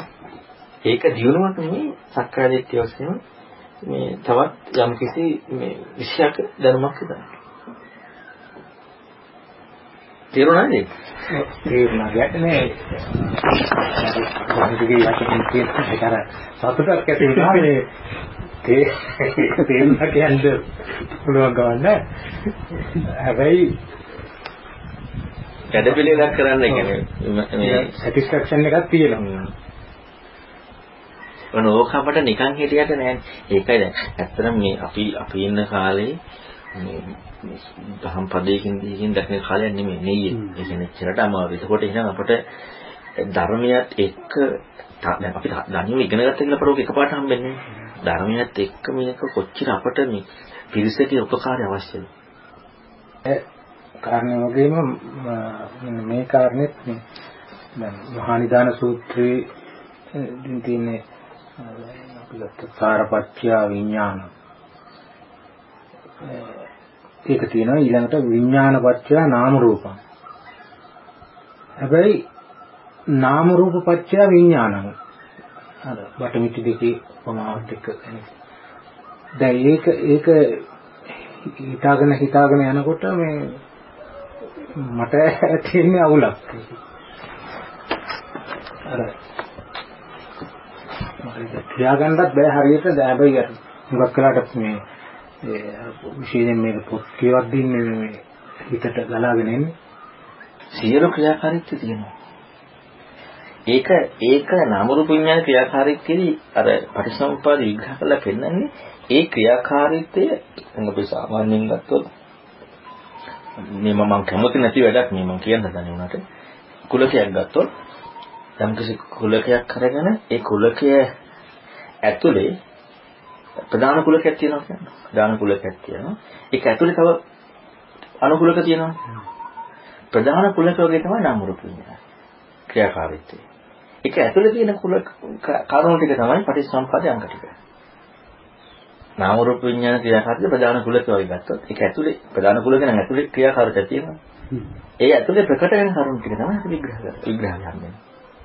එතකොට මේ මේ කුලකයේ ක්‍රියාකාරීත්වයට පදනමක් තියෙනවා. නිකන් නෙමෙයි කතා කරන්නේ. හැබැයි ප්‍රකට වෙන්නේ මූලිකව හම්බ වෙන්නේ ඔන්න ඔය නාම රූප විඥාන ක්‍රියාකාරීත්වය කියන්නේ. ඒක ප්‍රධානම මූලිකම කාරණා. මේකට මේ ක්‍රියාකාරීත්වය නිකන් සිදුවෙන්නේ නෙමෙයි. මේ ක්‍රියාකාරීත්වයක් සිදුවෙන්නේ පදනමක් හම්බෙලා තියෙනවා. ඒ ක්‍රියාකාරීත්වය ඇතුලේ විවිධ වැඩපිළිවෙල කියන්නේ විවිධ ක්‍රියාකාරීත්වයක් තියෙනවා. අන්න පටිච්චසමුප්පාද විග්‍රහයෙන්ම බෙදලා විග්‍රහ කරපුවා අර ක්‍රියාකාරීත්ව ඔක්කොම ටික හම්බෙනවා. ඒ ප්‍රධානම දේ තමයි නාම රූප විඥාන කියන අන්‍යෝන්‍ය ප්‍රත්‍යය. ඔක තමයි හැමතැනම කුරු ගන්නවා. දැන් මේ දෙක තවසම පැහැදිලි දෙක වෙන් කරන්න බෑ. දැන් ඒ කාරණේ තවදුරටත් ස්වාමීන් වහන්සේ මේ පැහැදිලි කරගන්න අර දැන් විඥානයේ පිළිඹුවක් කියන කාරණේ විඥානයේ පිළිඹුවක් නාම රූපේ. ඒ කියන්නේ දැන් ඒකෙන්ම පේනවානේ මේ මේ දෙක වෙන් කරලා ගන්න බැරි කතා. දැන් ඒක තව ටිකක් විස්තර කරොත් ඒ පිළිඹුවක් කියන එක විඥානයේ වැටෙන පිළිඹුවක් තමයි නාම රූපේ කියලා කියන්නේ. ඒකට අපිට ටිකක් විග්‍රහ කරගත්තොත් මේක තව ටිකක් මේ හිතන්න පුළුවන්. මේ ඔන්න බාලපණ්ඩි සූත්‍රය කියන මෙහෙම කතාවක්. ඉති අයංච කායෝ බහිද්ධාචනාමරව දයන් දයන් පටිච්ච පස්සෝ වචනයක්. සලී වාචන. ආ ඕක කියපු එක හොඳයි ගන්න දැන් ඔන්න ඕකත් දැන් වහන්සේගේ දේශනා කීපයකම කොටස විග්‍රහ කරා. මම ඕක කියවලා කියවලා බැලුවා. මට ඒක තේරුන්නේ නැහැ. කීප සැරයක් කියුවා මේ මොකද්ද මේ කියන්නේ කියලා ඒක මට නැහැ ඒ හරි වටිනා ඒක දැන් අපිට මේකෙන් යනකොටම එන්නේ මෙතන පටිච්චසමුප්පාද විග්‍රහ කරේ. වෙන කිසි දෙයක් නෙමෙයි. දැන් අපි අපි ස්පර්ශය ගැන අපි දැන් මම මුලින් කිව්වේ. මගේ ඇහි බාහිර රූපයට බලන්න හැමදේම ස්පර්ශය මගේ ඇහි බාහිර රූපයක් එතකොට මම ඇවිදින්න නේ කරන්නේ. පටිච්චසමුප්පාද දර්ශනේ මම මම එන්න නැති වෙන එකක් නේ තියෙන්නේ පටිච්චසමුප්පාද දර්ශනය කියන්නේ මම මම කියන කාරණාව වැරදි බව හම්බෙන එක. එතකොට හැබැයි පටිච්චසමුප්පාද දර්ශනයේ ක්‍රියාකාරීත්ව අවිද්‍යාව පදනම සිදුවන මේ ක්‍රියාකාරීත්වයේ විග්‍රහයේදී පෙන්නනවා ඒකේ පැවැත්ම විග්‍රහ කරන්න දැන් බුදුන් පටිච්චසමුප්පාද දර්ශනය දැක්කම රහත් වෙන්නේ නැහැ. සෝතපන්න නෙවෙන්නේ. පැවැත්ම දැක්කට රහත් වෙන්නේ නැහැ. පැවැත්ම දැකපු කෙනාට මම ගැනීම වැරදි කියලා හම්බෙලා තියෙන්නේ. මම කියලා එදීමක් යාර තියෙනවා. මඤ්ඤණාව තියෙනවා. මම ගැනීම වැරදි. මම කියලා මේ දැන් මේ මම කියලා දාගන්න එක වැරදි. නමුත් අවිද්‍යාවෙන් කුළු ගැන්විලා හම්බලා තියෙනවා වැඩ පිළිවෙල. එතකොට දැන් අපිට කොච්චර අපි තේරුම් ගන්න ගියත් අජ්ජත්ක චක්කෝ බහිද්දා නාම රූප කියනකොට බහිද්දා රූප කියනකොට අපි යන හැමතැනම තියෙන්නේ අපි මනින හැම එකක්ම තියෙන්නේ මට සහ මගෙන් එහා කියන එක. අජ්ජත් චක්කෝ සහ බහිද්දා රූප කියනකොට මම සහ මගෙන් එහානේ. හැබැයි එතන ඒක යනකොටම අපිට ගිහිල්ලානේ මගේ මට පෙනිච්ච රූපේ මොකද්ද කියලා. ඒ නිසා ඒ ඒක සම්පූර්ණයෙන් වැරදි පරිසම්පාද පැත්තට යොමු වෙනකොට. මම සහ මගෙන් එහා කියන කාරණාව මට පෙරෙන දේ තිබිච්ච දේ අපට ප්‍රකට වෙලා තියෙනවා. පටිච්චසමුප්පාද දර්ශනයේදී මම සහ මගෙන් එහා නෙමෙයි. හැබැයි අර දැන් අපිට මට පේන කාරණාව කියන එකට එහා ගියපු ඇස රූපේ ඇති බව. ඔන්න පැවැත්මට රුකුල වෙනවා. කෙනෙක්ගේ රූපේ නම් අපි ඔක්කොම කරන්නේ. ඇස රූපේ ඇති බව හම්බ වුණාට පස්සේ තමයි අපි මේ රූපෙට දැසගෙන රූපේ මොකද්ද කියන පැවැත්මකට යමු වෙන්නේ. එහෙනම් ඇස රූප ඇති බව හම්බ වෙන ප්‍රධාන ප්‍රශ්නේ තියෙනවා. ඒ හම්බ වීමත් එක්ක ඔන්න අපට මගේ හැවෙනවා. ඇස රූප ඇති බව හම්බ වීමත් එක්ක. එතකොට ඉති අයංච කායෝ බහිද්ධාජ නාම රූප. අයංච කායයෙන් තවත් කියන සවිඥානිකී කායය කියලා විග්‍රහ කරනවා. විඥානේ පහළ වෙන තැන. ඒ කියන්නේ ආයතනය නෙමෙයි, කාය ආයතනය නෙමෙයි විග්‍රහ කරනවා. මේ එතන අයංච කියන ඒ පාලි තේරුම මේ මේ මේ. මේ එතකොට මේ කියනකොට මේ පැත්ත කියන්නේ අරක බහිද්දා කියනවා. මේක මේ පැත්තට කියනකොට හැබැයි මගේ කියන කතාව නෙමෙයි. මේ පැත්තට කියනකොට දැන් අපට අපට එනකොට මම සහ යහනේ අතන මේ කියනකොට ඒක කුළු ගන්නලා පෙන්වන කාරණාව මේ කියන කාරණාව මගේ කියන කාරණාව පෙන්වන එකක් නෙමෙයි මගේ සහ මගෙන් එහා කියන එක නෙමෙයි මොකද අපට හැම වෙලෙම මම සහ මගෙන් එහා හැබැයි මෙතන මම කියන කාරණාව දුර වෙලක් නෙමෙයි අවිද්‍යාව තියෙනවනේ අනිත් එක තමයි තව එකක් අපි හිතන්න ඕන එකක් තියෙනවා. පටිච්ච සමුප්පාදය කියන්නේ දැනුමක්වත් ඒ වගේම නිරවුල් භාවයක් වගේ දර්ශනයක්. පටිච්ච සමුප්පාද අපි දැනුමකින් දන්නවනේ. දැනුමකින් පටිච්ච සමුප්පාද දන්නේ නැහැ. අපි වචන ටිකක් සහ අපි දන්න විතරක් විතර ඇති. පටිච්ච සමුප්පාදය කියන්නේ දර්ශනයකට. දැක්මකට. දැක්මකට දැන විග්‍රහයක් දුන්නා මිසක් බුදුරණන් වහන්සේ අපට මේක බෙදලා වෙන් කරලා අපිට මේ අපි දැක්මකින් තොරව හම්බෙන එකක් නෙමෙයි. ඒ කියන්නේ මාර්ගයේ දැක්මකට සත්‍යානෝද සූත්‍රය ගත්තොත් පටිසම්පාදේ ගැන විග්‍රහ කළා මේක සම්මාදිට්ඨිය කියන්නේ. එහෙනම් පටිසම්පාදේ කියන්නේ දැක්මක් නේ. එහෙනම් මේ දැක්ම දැක්මෙදි තමයි වැරද්ද හම්බ වෙන්නේ. වැරද්දනේ හම් පටිසම්පාද දැක් කියන වැරද්දනේ හම්බුනේ. වැරද්ද හම්බ වෙන්නේ දැක්මට. වැරද්ද හම්බෙන්නේ විචාර විතරකයට නෙමෙයි. කල්පනාවට නෙමෙයි. දැක්මටයි වැරද්ද හම්බෙන්නේ. ඔන්න ඕක තමයි විග්‍රහය. එතකොට අපි උතන බැලුවොත් එහෙම ওই කතාව ටිකකට අමතක කරලා මම අර මුලින් කිව්වේ ස්පර්ශය කියලා විග්‍රහ කරනකොට අසරූප ඇති බව විඥානය. අසරූප ඇති බවත් එක්ක විඥාන ක්‍රියාකාරකම් පැවැත්ම හම්බ වෙනවා. අපි ඇති වෙච්ච රූප මේකනේ කියලා අපි අපි ගන්න යන්නේ.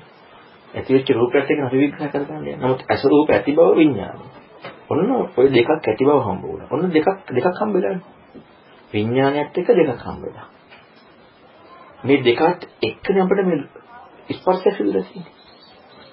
දෙකක් දෙකක් හම්බ වීමත් එක ස්පර්ශය හම්බුනේ. එසත් එතකොට දෙකක් හම්බ දෙකක් හම්බ වුණේ විඥානයත් එක්කනේ. එතකොට තුන හම්බෙලා වුණා. හැබැයි හම්බ වුණේ දෙකයි. හම්බ වීම විඥානය. හම්බ වුණේ දෙකයි. හම්බ වීම විඥානය. අන්න තුනක් වුණා. ඕක තමයි ස්පර්ශයක් කියලා යන්නේ. ඒක දෙන්නද කියන්නේ? හම්බ හම්බ වුණේ දෙකයි. හම්බ වීමත් එක්ක තුනක් වුණා. ඔන්න ස්පර්ශයක් වුණා. එතකොට විඥානයනේ විඥානයට මේ දෙකක් හම්බුනේ.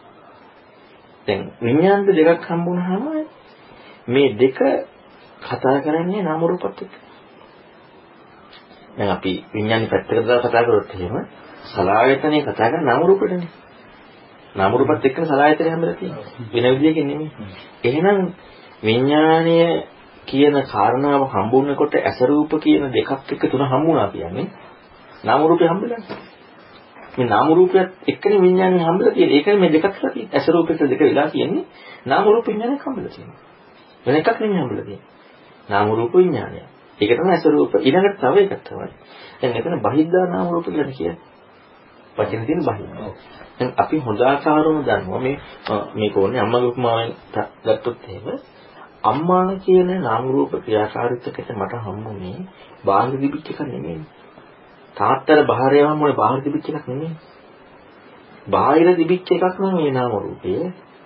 අපි දෙන්නටම එක්කෙනෙක් හම්බෙන්න ඕනේ. නේද? ඒක දෙන්නනේ. ඒ කියන්නේ අම්මා කියන එක බාහිර දිවිච්ච එකක් නම් අපි දෙන්නටම එකක් හම්බෙන්නේ. එහෙනම් මේ නාම රූප බහිද්දත්‍ච එක නෙමෙයි. ඒ සංඥාව, ඒ වේදනාව, ඒ සංඛාරය, ඒ එකක්වත් බාහිර එකක් නෙමෙයි. මොකද ඒක තම තමන්ගේ ස්වයං වූ සාමුවට කොටු වෙච්ච එකක් නේ කාරණා. එතකොට අතන බහිද්දා කියලා දාන්න. ඔන්න ඒකම නාම රූපත් අපි තේරුම් ගන්න ඉස්සෙල්ලාම මේ ලෝකෙ මට්ටමට. නාම රූප තේරුම් ගන්නේ ලෝකෙ මට්ටමට. ලෝකෙ මට්ටමට තේරුම් ගච්ච නාම රූපය අපි තේරුම් අරගෙන යන්න තියෙන්නේ. නමුත් අවබෝධ විග්‍රහකට ඒක නෙමෙයි. මෙතන විග්‍රහ කරපු නාම රූප ක්‍රියාවලියත් අපිට මේ තේරුණ නාම රූප කියලා ගත්ත ක්‍රියාවලියක්. ඒක එතනින් අපිට යන්න තියෙන මොකද වචන දෙයක් ඒක බුදුරණාහි දුන්න ධර්මය මම අර විතරම කියන්නේ ගෙම්බට වතුර ඉඳලා මාළුවට විග්‍රහ කරලා පස්සේ විග්‍රහය දෙන්නේ නොග රාමුවටනේ. උගේ රාමුවට විග්‍රහයක් දෙන්නවනේ උගේ රාමුව ඉක්මවන. උගේ රාමුවට නැතුව විග්‍රහයක් දෙන්න බෑ. අනිවාර්ය උගේ රාමුවත් එක්ක දෙන්න. නෑ උගේ රාමුව වචන ටිකක් එක්ක දෙන්න ඕන ඕනේ විග්‍රහය. හැබැයි දකිනකොට උගේ රාමුවට හම්බෙන එක නෙමෙයි හම්බෙන්නේ මේ දුන්න විග්‍රහය වෙන එකක්. එතකොට බුදුරණවහන්සේට ලෝකයේ වචන නැතුව පාවිච්චි කරන මේක යන්න බෑ. මම ඒකට තව උදාහරණයක් කියන්නම්. මේක පැත්තකින් තියෙන. ඒකට මේක තව ටිකක් තේරුම් ගන්න පුළුවන්. ඒ තමයි අරූප ලෝක. අරූප ලෝකවල වේදනා සංඥා සංකාර විඥාන විතරයි තියෙන්නේ. රූපය අසන්න. එතකොට අරූප ලෝකේ දැන් අපි අපි වේදනා සංඥා අපි රූප ලෝකේ පහම කියනවනේ පහම කතා කරනවා. මේ කරුණු බුදුරණවහන්සේ කිව්වේ එකක්ද නැත්නම් බුදුරණවහන්සේ එන්න කලින් මේ ලෝකේ පැවැත්ම. අරූප ලෝකයෙන් බුදුරණවහන්සේ දාපු පැවැත්ම නෙමෙයි. අරූප ලෝක බුදුරණවහන්සේ දාපු පැවැත්ම මේක ලෝකේ ස්වභාවය. එතන රූප වේදනා සංඥා සංකාර විඥාන වචන ටිකක් තියෙනවා. එතකොට ඒක ඒක බුදුරණවහන්සේ දුන්නේ නැහැ. ඒක ලෝකේ විවහාරය. දැන් අපට ප්‍රශ්න අපි දන්නේ කාරණා එක අපි බලනවා ආ මේ වචන ටික මේ ටික දන්නවා නම් මේක ලෝකේ තමයි. අපි බටි බුදුරණවහන්සේ දර්ශනය තමයි. ඒ බුදුරණවහන්සේ දර්ශනයකට මේ වචන ටිකෙන් තමයි මේ යන්න ගියේ. හැබැයි බුදුරණවහන්සේ දුන්නේ ඉතිහාසයක දෙයක්. බුදුරණවහන්සේ දුන්න පටිච්චසමුප්පාද විග්‍රහයේදී පංචපාස්කන්ධයේ කිසි වෙලාවක වෙන් කරන එකක් වෙන් වෙන එකක් නෙමෙයි කියන්නේ. දැන් අරූපයේ කියන්නේ පටිච්චසමුප්පාද විග්‍රහය නෙමෙයි. ලෝක විග්‍රහයක් නෙමෙයි. ලෝකේ වේදනා සංඥා සංකාර විඥාන ඉපදෙන්නේ. ඒක ලෝකේ. ඉන්න පුජ්‍යලයක් හම්බෙන්නේ. පටිච්චසමුප්පාද විග්‍රහයෙන් තමයි පංචපාස්කන්ධ ක්‍රියාවලිය හම්බෙන්නේ. පංචපාස්කන්ධ ක්‍රියාවලිය පටිච්චසමුප්පාද යමන අරූප ලෝකේ ඉක්මවනවා. අර මූලපරයේ තියෙන මාමඤ්ඤය කියන්නේ. රහතන් වහන්සේ නෙමඤ්ඤය. එහෙනම් අරූප ලෝකයෙන් යෙදෙන්නේ නැහැ පටිච්චසමුප්පාද දර්ශනය. එතකොට නම් අරූප ලෝක විග්‍රහය හම්බුනේ ලෝකෙටනේ. එහෙනම් ලෝකෙට වේදනා සංඥා සංකාර විඥාන කියලා හම්බුනේ. බුදුරණවහන්සේ කියන්නේ බුදුරණවහන්සේම හොයාගත්ත ප්‍රධානම දේ තමයි පටිච්ච සමුප්පාද. පත්‍යෙන් උපදින බව කියන්නේ. ලෝකයේ ටික දුන්නේ. ලෝකේ විග්‍රහය දුන්නේ. දැන් අරූපයට වේදනා සංකාර විඥාන කරේ. මොන බුදුරණවහන්සේ දුන්න විග්‍රහය. ලෝකෙට දුන්නේ. ලෝකෙට පැනේක. අපට පංචේපාස්කන්ධයෙන් පැනේක. ලෝකෙට. දැන් අපිට මේ තේරෙන ටික ඇත්තටම අපි හිතනවා බුදුරණවහන්සේ පෙන්නපු දර්ශනය කියලා.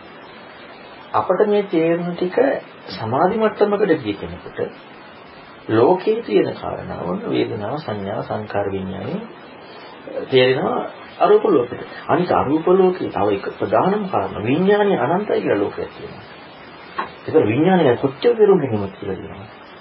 විඥානේ අනන්තයි. ඒක බුදුන් වහන්සේ වුණ ලෝකයක් නෙමෙයි. විඥාන අනන්ත බව මේ ප්‍රත්‍යක්ෂයක් හම්බෙච්ච එක නෙතුණු. නිකන් අපිට කියමු විඥානයෙන් අපිට සමාන වෙන්නේ විඥානයේ අනන්ත බව ප්‍රත්‍යක්ෂය. ඊළඟ නැටිකින්චි කියලා කිසිවක් නැහැ කියලා ප්‍රත්‍යක්ෂය.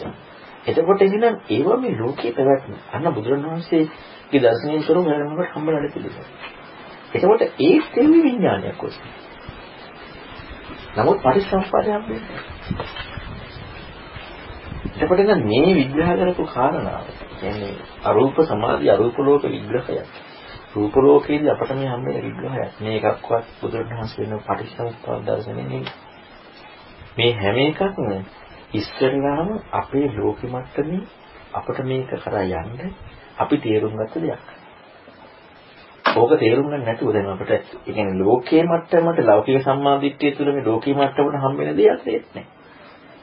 එහෙනම් ඉස්සෙල්ලා මේක ඒක තේරුම් ගන්න ඕනේ. හැබැයි ඒක තේරුම් ගත්තට බුදුරණවහන්සේ පෙන්නපු පටිසෝපාදණය හම්බුනේ. ඒක අපිට මේ ලෝකෙ මට්ටමින් අනිත් කෙනාට වඩා ඉහළ දෙයක් හම්බුණා. හැබැයි ලෝකයේ ඇති දේ තුළ හරි විග්‍රහයක් හම්බුණා. ඊතර වීම නෙන්නේ ලෝකයේ ඇති දේ තුළ හරි විග්‍රහයක් හම්බුණා. අර කට්ටියන්ට ඒකවත් හම්බෙලා නැහැ. අන්න එයාලා තමයි යම් කිසි විදිහකට විමුක්තියක් හොයන්න යන්නේ. ලෝකයේ ඇති දේ තුළ හරි විග්‍රහය හම්බෙච්ච එක නයි විමුක්තියක් හොයන්නේ. අන්න විමුක්තිය හොයන්න අවශ්‍ය කාරණාවක් තියෙනවා. හැබැයි බුදුරණාහිසේ නම දර්ශනේ නෙමෙයි තාම. ඊට පස්සේ තමයි යන්න හොයන්න පටන් ගන්නේ. අපි අපේ ප්‍රශ්නේ තමයි දැන් අපි දැන් මේක තේරුම් ගත්තට පස්සේ බුදුරණාහිසේන පටිසම්පාද විග්‍රහය මේකට බෙදලා දාන්න හදනවා. බුදුරණාහිසේන පටිසම්පාද විග්‍රහය ඒක ඒක හම් වෙන්නේ එතනින් එහා විශේෂත්වයකට ගියාම නමුත් ඒක අපි දැන් අපි ලෝකේ තේරුම් ගත්ත විදිහට බෙදලා තින් කරන්න. එතකොට දැන් ඔන්න ඔය පංචපාස්කන්ධ තේරුම් ගත්තට මේ නාම රූප තේරුම් ගත්ත දේ තියෙන්නේ අපේ ලෝකේ මට්ටමට හම්බෙච්ච ඒක නෙමෙයි අර පටිසම්පදින් අපේ ලෝකේ හම්බෙච්ච එක නෙමෙයි අතන විග්‍රහය තියෙන්නේ. ඔන්න එතන විග්‍රහයේදී මේක ඉක්මෝන එකට හම්බෙන්න ඕන නැත්තේ.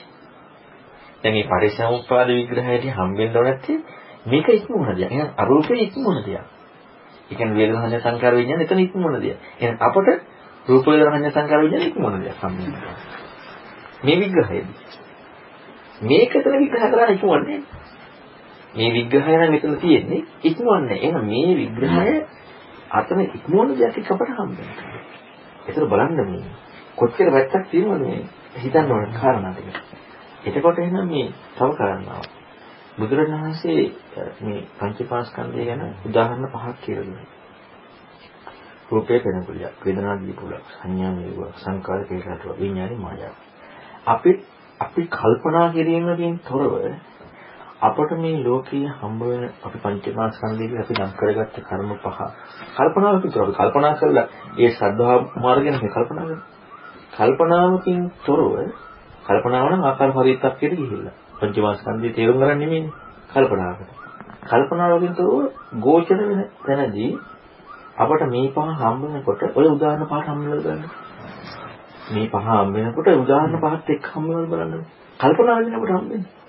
කල්පනාව අවබෝධ නෙමෙයි. මේක එහෙනම් ওই පංචමාස්කන්ධේ වහන්සේ ඉදලා නේ.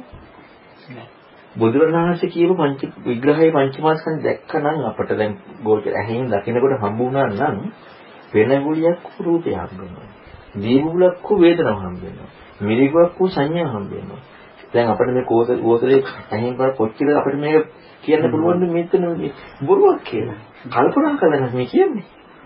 අපිට මම මේ වතුර බොනවා මේ චේතනාව පහල කරලා මේක ඇත්තද මම පිපාසාව සංසිඳනවනේ. මේක කෙසේදරටුවක් කියන්නේ කොහොමද පිපාසාව සංසිඳනවනේ. ඇත්තට මේ චේතනාව කරවත් වුණා. මම චේතනාව පහල කරලා වතුර බොන්නේ වතුර බොන්න තියෙන්නේ. මම මේ පිපාසාව සංසිඳන කරපත් දෙයක් ඒක. නමුත් අපි කල්පනාවක් විතරනේ අපිට දෙන්නේ. එහෙනම් අපිට බුදුරණවහන්සේ කියපු මේ පහ හම්බෙලා නැහැ. අන්න ඒක තමයි පරිසම්පද විග්‍රහය තියෙන්නේ.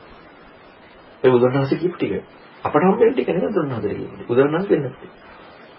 එතන බලන්නේ නම් එතන අන්න එතන තමයි ඉතිහාසය කායි බහිද්දාගෙන රූපණ්ඩ වෙන්නේ.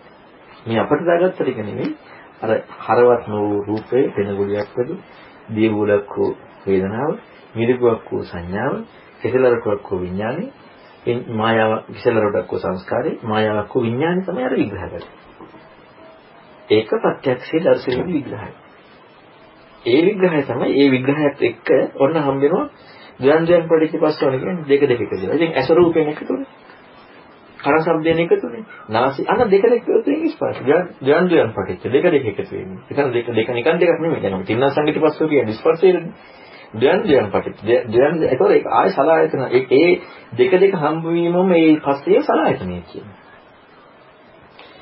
ඒක බලන්න මේ අර අපට අර හැම වෙලෙම යනදී තමයි අපි දන්න කාරණාවම මෙතෙන්ද ගලපන්න ගිහිල්ලා අනිත් එක මේ කාලත්‍රයකට අපි දන්න කාරණාවත් එක්ක අපි ගලපනකොට අපට කාලත්‍රය හම්බ වෙනවමයි. තව මේක වැඩ ගන්නවයි තමයි ඔය පටිසමුපාදයේ හම්බ වෙන තැනදී කාලත්‍රයයි වැරද්දක් කරනවා. පටිසමුපාදයේ හම්බ වෙන තැනදී කාලත්‍රය වැරද්ද. කාලත්‍රය නොයදින බව. කාලත්‍රය දෙන්නේ සාපේක්ෂව. මොහොත කතාවක් ඒ කිසි කතාවක් නෑ ඔක්කොම ඉක්මනවා. මේ මේ පටිසම්පද වදා සංගේ හැමෝම. එතකොට ওই අංග දෙක 12 විග්‍රහ කරනකොට කාලත්‍රයකට විග්‍රහ කරන්නේ නැතුව මේ ලෝකේ කෙනෙකුට කාටවත් පුළුවන් වෙන ඉතින් එහා විග්‍රහයක් දෙන්න. කිසි විග්‍රහයක් දෙන්නේ නැහැ. ඉතින් ඔතනින් එහා මොන විග්‍රහයක් දෙන්නේ? අන්න බුදුරණවහන්සේ දුන්න ටික ඒ ටිකෙන් විතරයි පුළුවන්. කාලත්‍රයක එයත් ඉක්මගෙන දර්ශනයටත් යන මාර්ගයේ උත්පාදනය වෙන්නේ හැබැයි කෙනෙක් මේක සරල කරන්න මේක තව වෙනස් කරන්න කිව්වොත් බුදුරණවහන්සේ ලස්සන විග්‍රහයක් දුන්න අංගුත්තර නිකාය දුක නිපාත සූත්‍රයක මේ ලෝක මොඩයා කියන්නේ මේක විශාල අකුසල රැස් කර ගන්නවා කියනවා ඒ තමයි පද ව්‍යංජන ප්‍රතිරූපක කියලා කියනවා. පද ව්‍යංජන ප්‍රතිරූපකයක් කියලා කියන්නේ හොඳට මේක තේරෙන විග්‍රහයක්.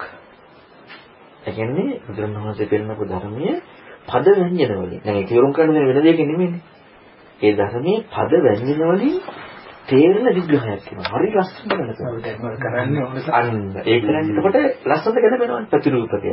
එතන උදාහරණයක් කියනවා ආර්ථිය අයින් කරලා දානවා කියනවා. පද ව්‍යංජනේ ආවතනදී අර්ථය සම්පූර්ණයෙන් කරනවා. අර හිතන්න ඕන ටික කියලා කියනවා. අන්න එයා බොහෝ අකුසල රැස් කර ගන්නවා කියනවා. සම්පූර්ණ විමුක්ති මාර්ගය අයින් කරනවා. එතන ඒ කියවන තුල අපිට පුංචි කාරණාවක් වුණාට ගැඹුරු අර්ථයක් තියෙනවා. මොකද අර්ථය අයින් කරනවා කියන්නේ. බුදුරණවහන්සේ බුදුරණවහන්සේ පමණක් සීමා කරපු වචන ටිකකට දුන්න කාරණාව තුළ තියෙන අර්ථයක් ගැඹුරක්. අපි පදරංජන ප්‍රතිරූපකයක් දැම්ම ගමන් ඒ ගැඹුර තිබිච්ච අර්ථය අයින් වෙලා අපට තේරිච්ච කාරණාවක් එනවා. අර අර්ථය නෑ. දැන් හිතන්න ඕනේ. ඔය කරුණු ටික ඔක්කොම ලස්සනට තේරුණා නම් හිතන්න දෙයක් වෙනවා. ඒ සෝතාපන්න නොවීම මේ පරිසම්පත තේරුම් ගන්න. නේ? දැන් අර වගේ ලස්සන පද ව්‍යංජන ප්‍රතිරූපයක් ඇවිදලා ඔය ලස්සන ඔය ටික ලස්සනට ඔය මේ බලමණ්ඩල සූත්‍ර ටිකයි ඔය නාම රූප විඥාන ටික විස්පස් ටිකයි ඔබතුමාට ලස්සන තේරුණා නම් අයි කරන්න දෙයක් නැහැ. එතනින් ඉවරයි. එතනින් ඉවරයි. අන්න පද ව්‍යංජන ප්‍රතිරූපකයක් හම්බුණා.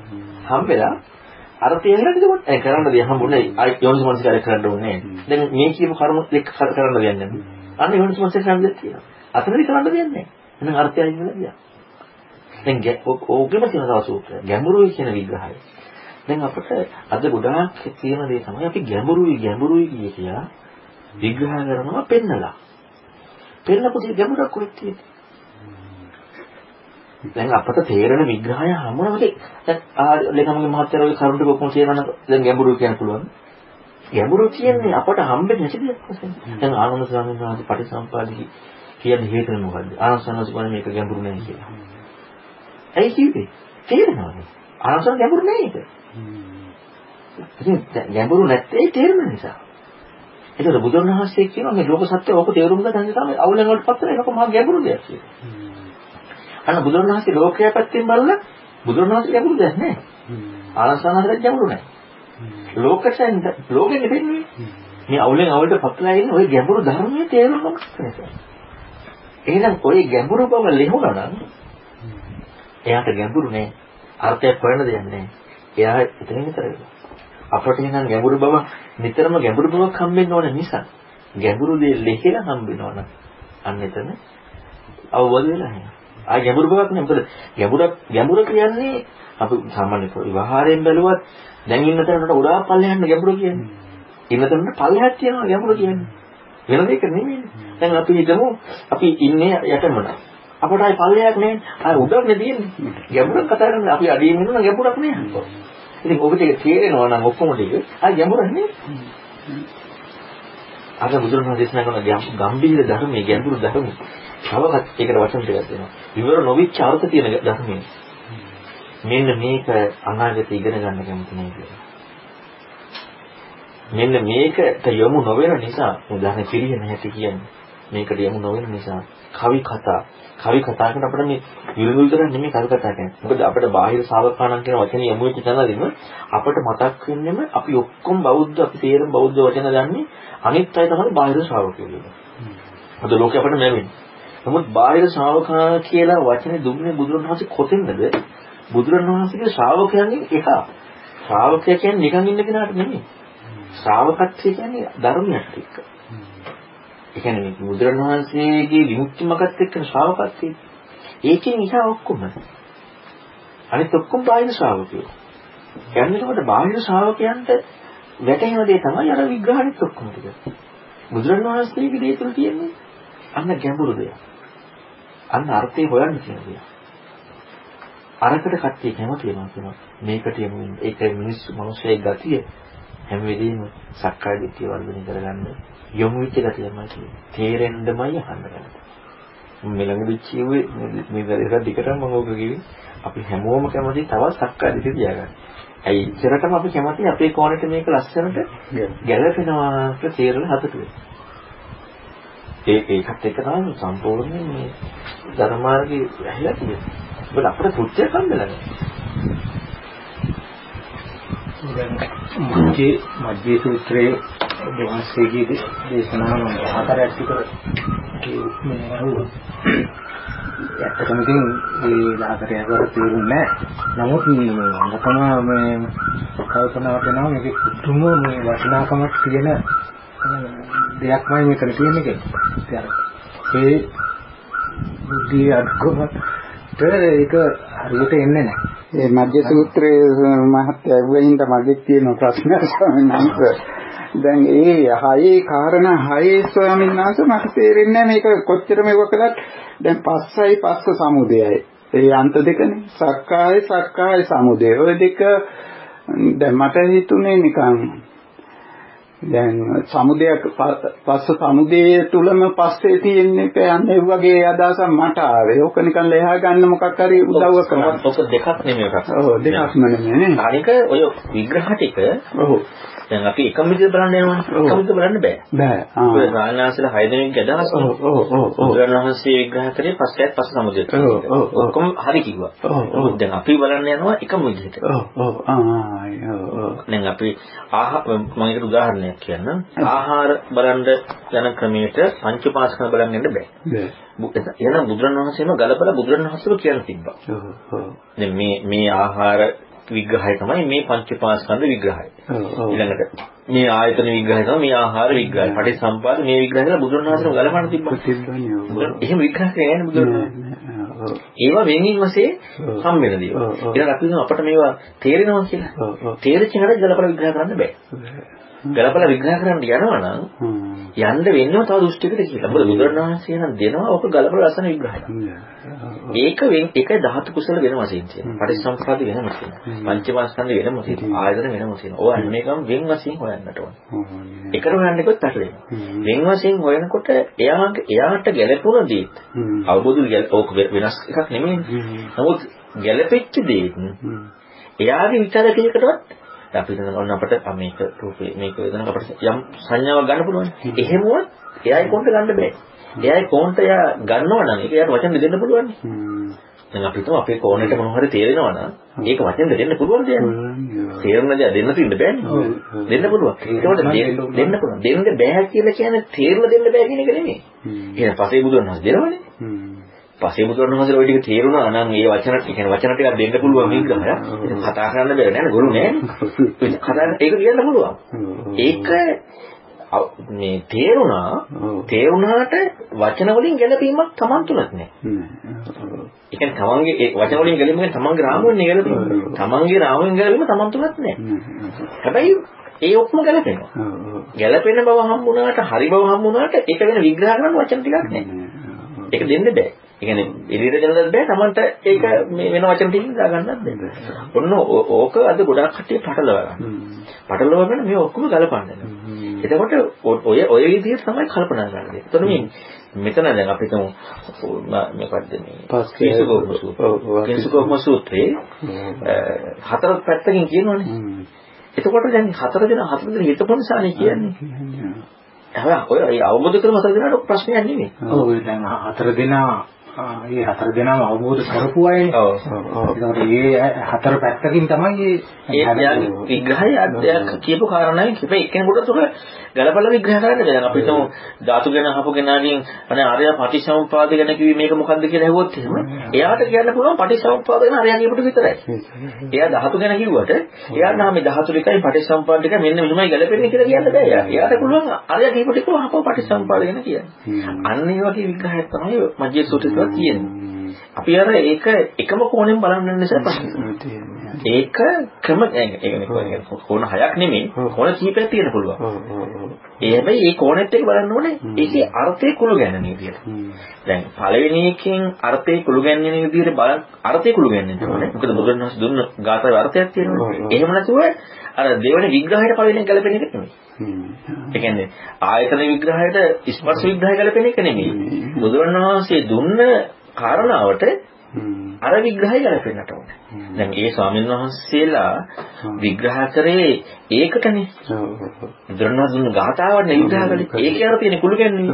නැතුව ඒ ස්වාමීන් වහන්සේලා කවුරුවත් පළවෙනිට කියමු ස්වාමීන් වහන්සේ කරච්චි ගලපලා කුළු ගැන්වුවේ නැහැ. දැන් අපි අපි හැම වෙලේම මනින්න යනවා ඔය හයම එකම විදිහ අර්ථයක් එන විදිහට. හැබැයි බුදුරණවහන්සේ දුන්න ගාථාවේ අර්ථය කුළු ගැන්වෙන විදිහට අපට අර්ථය හම්බුණා නම් කොහෙන් හරි අන්න හරි ධර්ම තේරලා. නැත්තම් එකක් නේ ඔක. හයක් නෙමෙයිනේ. හය විදිහක් නෙවෙයි. හැබැයි අර අර්ථය කුළු ගැන්වෙනවා. එතකොට දැන් අපි මොකද්ද? නාමය රූපය අන්තය ස්ථාන කරනවා. දැන් අර කලින් කරපු විග්‍රහය ලස්සනට ගැලපෙනවා. නාම රූප අන්ත දෙක. මේ ආයතන අන්ත දෙක. ආධ්‍යාත්මික ආයතනේ බන්ධනේ ඒ කියන්නේ සසර පැවැත්මට ගිහිල්ලා. ඒ කියන්නේ අස රූපේ අන්ත දෙකක් බව හම්බ වෙනවා කියන්නේ විඥාණයට හම්බෙලා තියෙනවා. විඥාණයට හම්බුණා කියන්නේ විඥානයේ තේරුම් ගන්න එතන තියෙනවා මජ්ජේ මන්තාන ලිප්පති. ලිප්පති කියන්නේ තැවරුණා. ඒහා එකතු වුණා. ඒ කියන්නේ ඒක මොකද්ද කියලා හම්බුන්නේ නැහැ. ඒහා එකතු වුණා. අන්න විඥානයේ ලිප්පති වුණා. විඥානය අවබෝධ කරගත්තේ නැහැ. ඒ නිසා ඒකත් එකයි අන්ත දෙක. අන්ත දෙකකුත් හම්බුණා. තැවරෙච්ච නිසා අන්ත දෙකක් හම්බුණා. ඊට පස්සේ මොකද්ද කියන්නේ? තත්ත තත්ත්වයේ වචන උතරනේ තණ්හාවෙන් භව භවස්ස භවයේ මහනවා කියන සිප්පෙලි. මසුන් මහුන් කාලේ එතකොට දැන් මේක වුණ නිසානේ මහන්නේ. අසත් රූපයක් විඥානත් අන්තයක් වුණාට පස්සේ අන්න දැන් ඔන්න එතන කාලත්‍රයක් කුළු ගන්නලා දැන් ඒ ඒ භවය කියනකොට දැන් පැවැත්ම කීපයක් නාමල තියෙනවා. ඔන්න ක්‍රමානුකූලව අපිට මේ කාලත්‍රයක් එක්ක මේ අපිට මෙහිලා මේ ලෝකයක් පැනෙනවා. කාලත්‍රයක් හම්බුන නැත්නම් අපිට මේ ලෝක එකක්වත් මනින්න බෑනේ.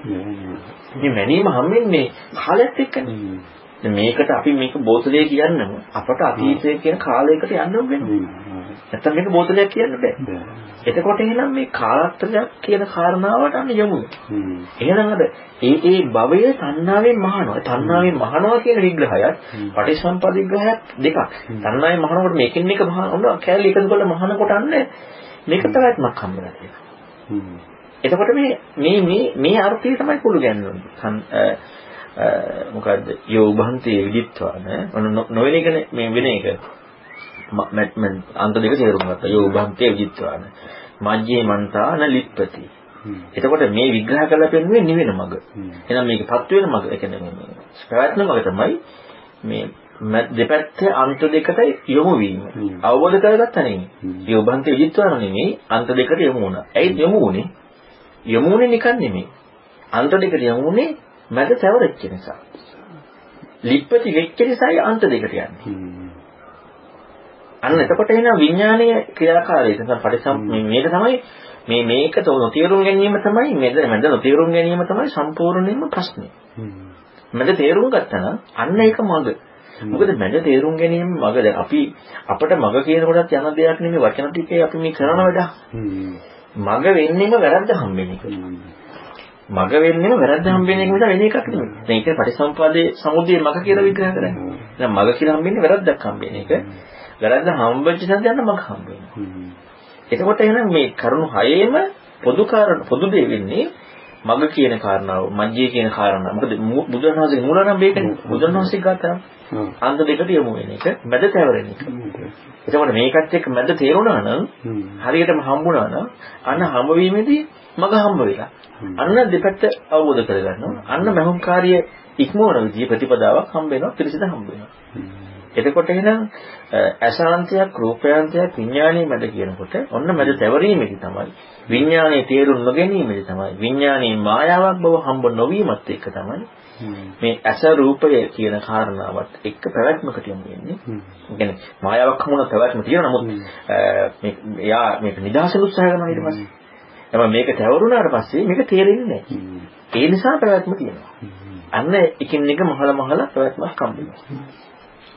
නාමයේ රූපය කියන පොත. ඒතකොට ආයතන කතා කරන්න අවශ්‍ය නැහැ. නාමයන්තයක් රූපයන්තයක්. එතකොට ආයතනවත් හිතන්න බෑ. එතකොට නාම රූපයක්ද? නාම රූප විඥාන. එතකොට කිසිම විදිහකින් අපට මේ ලෝකේ යන මහා නිදානෙත් ගත්තාම නාමකාය පටික රූපකාය දිවසන සම්පස්සේ තියෙන. මේ දෙක තමයි සම්පූර්ණයෙන්ම පැවැත්ම කියලා කියන්නේ නාම රූප හුදුව හම්බෙන එකක් නෙමෙයි. මේ දෙකේ අන්‍යෝන්‍ය ක්‍රියාකාරීත්වය. ලෝකේ හම්බෙනවා කියලා මනින්නෙම නාම නාම රූපයක් නැනුනේ විඥානෙට. එතනත් වැඩේ කරන තියෙන විඥානය. මැදින් ඉඳලා. ඒ විඥානීය වැරද්ද තමයි ඒකයි විඥානීය අනිදර්ශන විඥාන විග්‍රහ කරනකොට රහතන් වහන්සේ. ඒ අනිදර්ශන විඥානීය විග්‍රහය පෙන්වන්නේ විඥානීය කියලා ආයකක් තියනවා කියන එක නෙමෙයි. විඥානීය විග්‍රහය ඉක්මවන විග්‍රහය අනිදර්ශන විඥාන කියනවා. දැන් ලෝකයට විග්‍රහ කරන්නේ අනිදර්ශන විඥානීය කියනකොට තව විඥානයක් නෙමෙයි. හැබැයි අනිදර්ශන විඥානීය විග්‍රහය විඥාන විග්‍රහය ඉක්මවන විග්‍රහය. නැත්නම් ලෝකයට එතකොට නැත්නම් ලෝකය යනවා නැත කියන විඥාන නැත කියන එක නැත්නම් ආයන්නේ. බලන්න බුදුරණවහන්සේගේ විග්‍රහද දැන් නිවන විග්‍රහ කරනවා ලෝකේ විග්‍රහ කරන දේ ඔක්කොම ඉක්මවුච්ච බවට. තව තැනක් නෙමෙයි. විග්‍රහ කරපුවා ඔක්කොම ඉක්මවුයි. එතකොට නම් විඥානීය කියන කාරණාව විග්‍රහ වෙන්නේ නාම රූපයත් එක්ක. එහෙනම් මේ විඥානීය කියන කාරණාව ඉක්මවීමයි අනිදර්ශන විඥානය. එහෙනම් මේ නාමයත් රූපයත් අන්ත දෙකක් වෙන්නේ පැවැත්මකට නෙමෙයි දෙපැත්තකට යමුනේ පැවැත්මත් එක්ක. දැන් ඇස හුදු වුණා නම් ඇස විතරක් කතා කරන පැවැත්මක් නැහැ. කතා කරන්න බෑ. පැවැත්මකට අනිවාර්යෙන් දුරතාවයක් තියෙනවා. ඇස විතරක් හම් වෙනවා කියන එකක් ලෝකේ යෙදෙන්නෙම නැහැ. පැවැත්මක් කියන්නේම ඇස රූප වෙන මොනවා.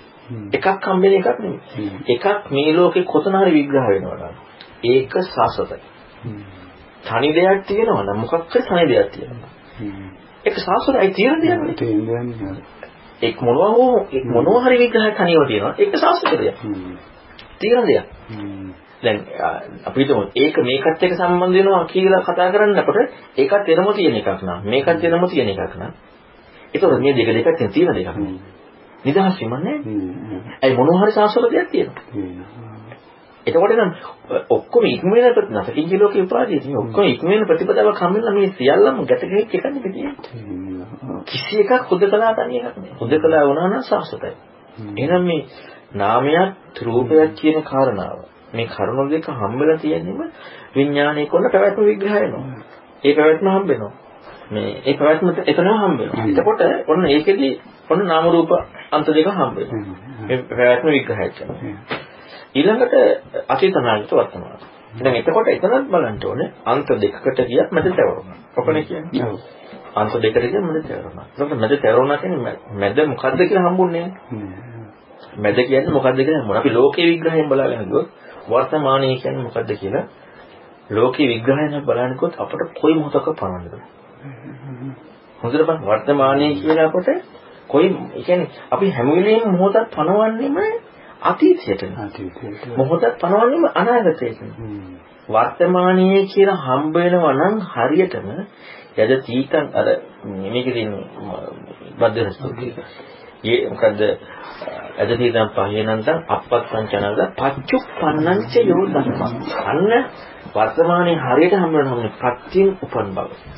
හරියට හම්බ වෙනවා. එතකන් අපිට වර්තමානයේ කියන අර ඔන්න ඔය ටික ඔක්කොම හිතන්න පුළුවන් අපි දන්න කාරණාවත් එක්ක. ඔන්න විඥානයේ අපි දන්න කාරණාවත් අපි තේරෙනවා අපට. හැබැයි විඥානයේ අපි දන්න කාරණාව අපට විඥානයේ හම්බුනගෙන අපි විඥානයේ තැවෙලා.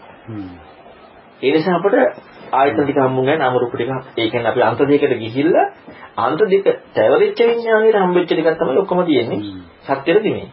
ඔන්න ඔය වගේ වර්තමානයේ අපට තේරුණා කියලා කියන්නේ අපි. තැවරිලා වර්තමානයේ පැවරීම තුලම තියෙනවා. අපි කතා කරන වර්තමානයේ තුලම තියෙන අතීත අනාගතය. අපි කතා කරන වර්තමානයේ තුලම ඕන ඕන ඕනයක් හතර බලන්න. අපි කතා කරන වර්තමානයේ තුලම අනාගත අතීත අනාගත තියෙනවා.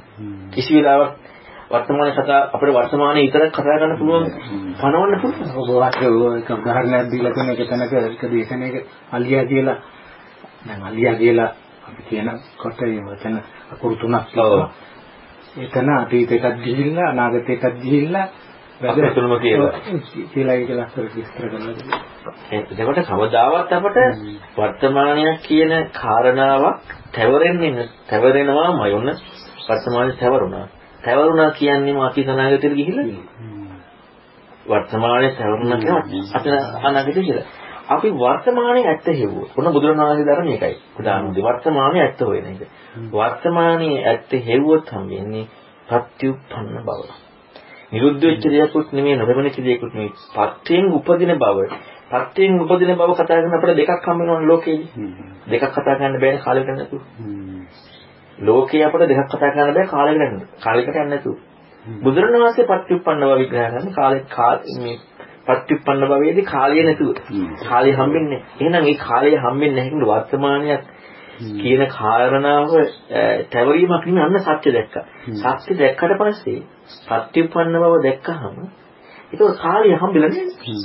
මොහොත දැනගා මොන අතීතයේ නාගතේ හම්බෙලා.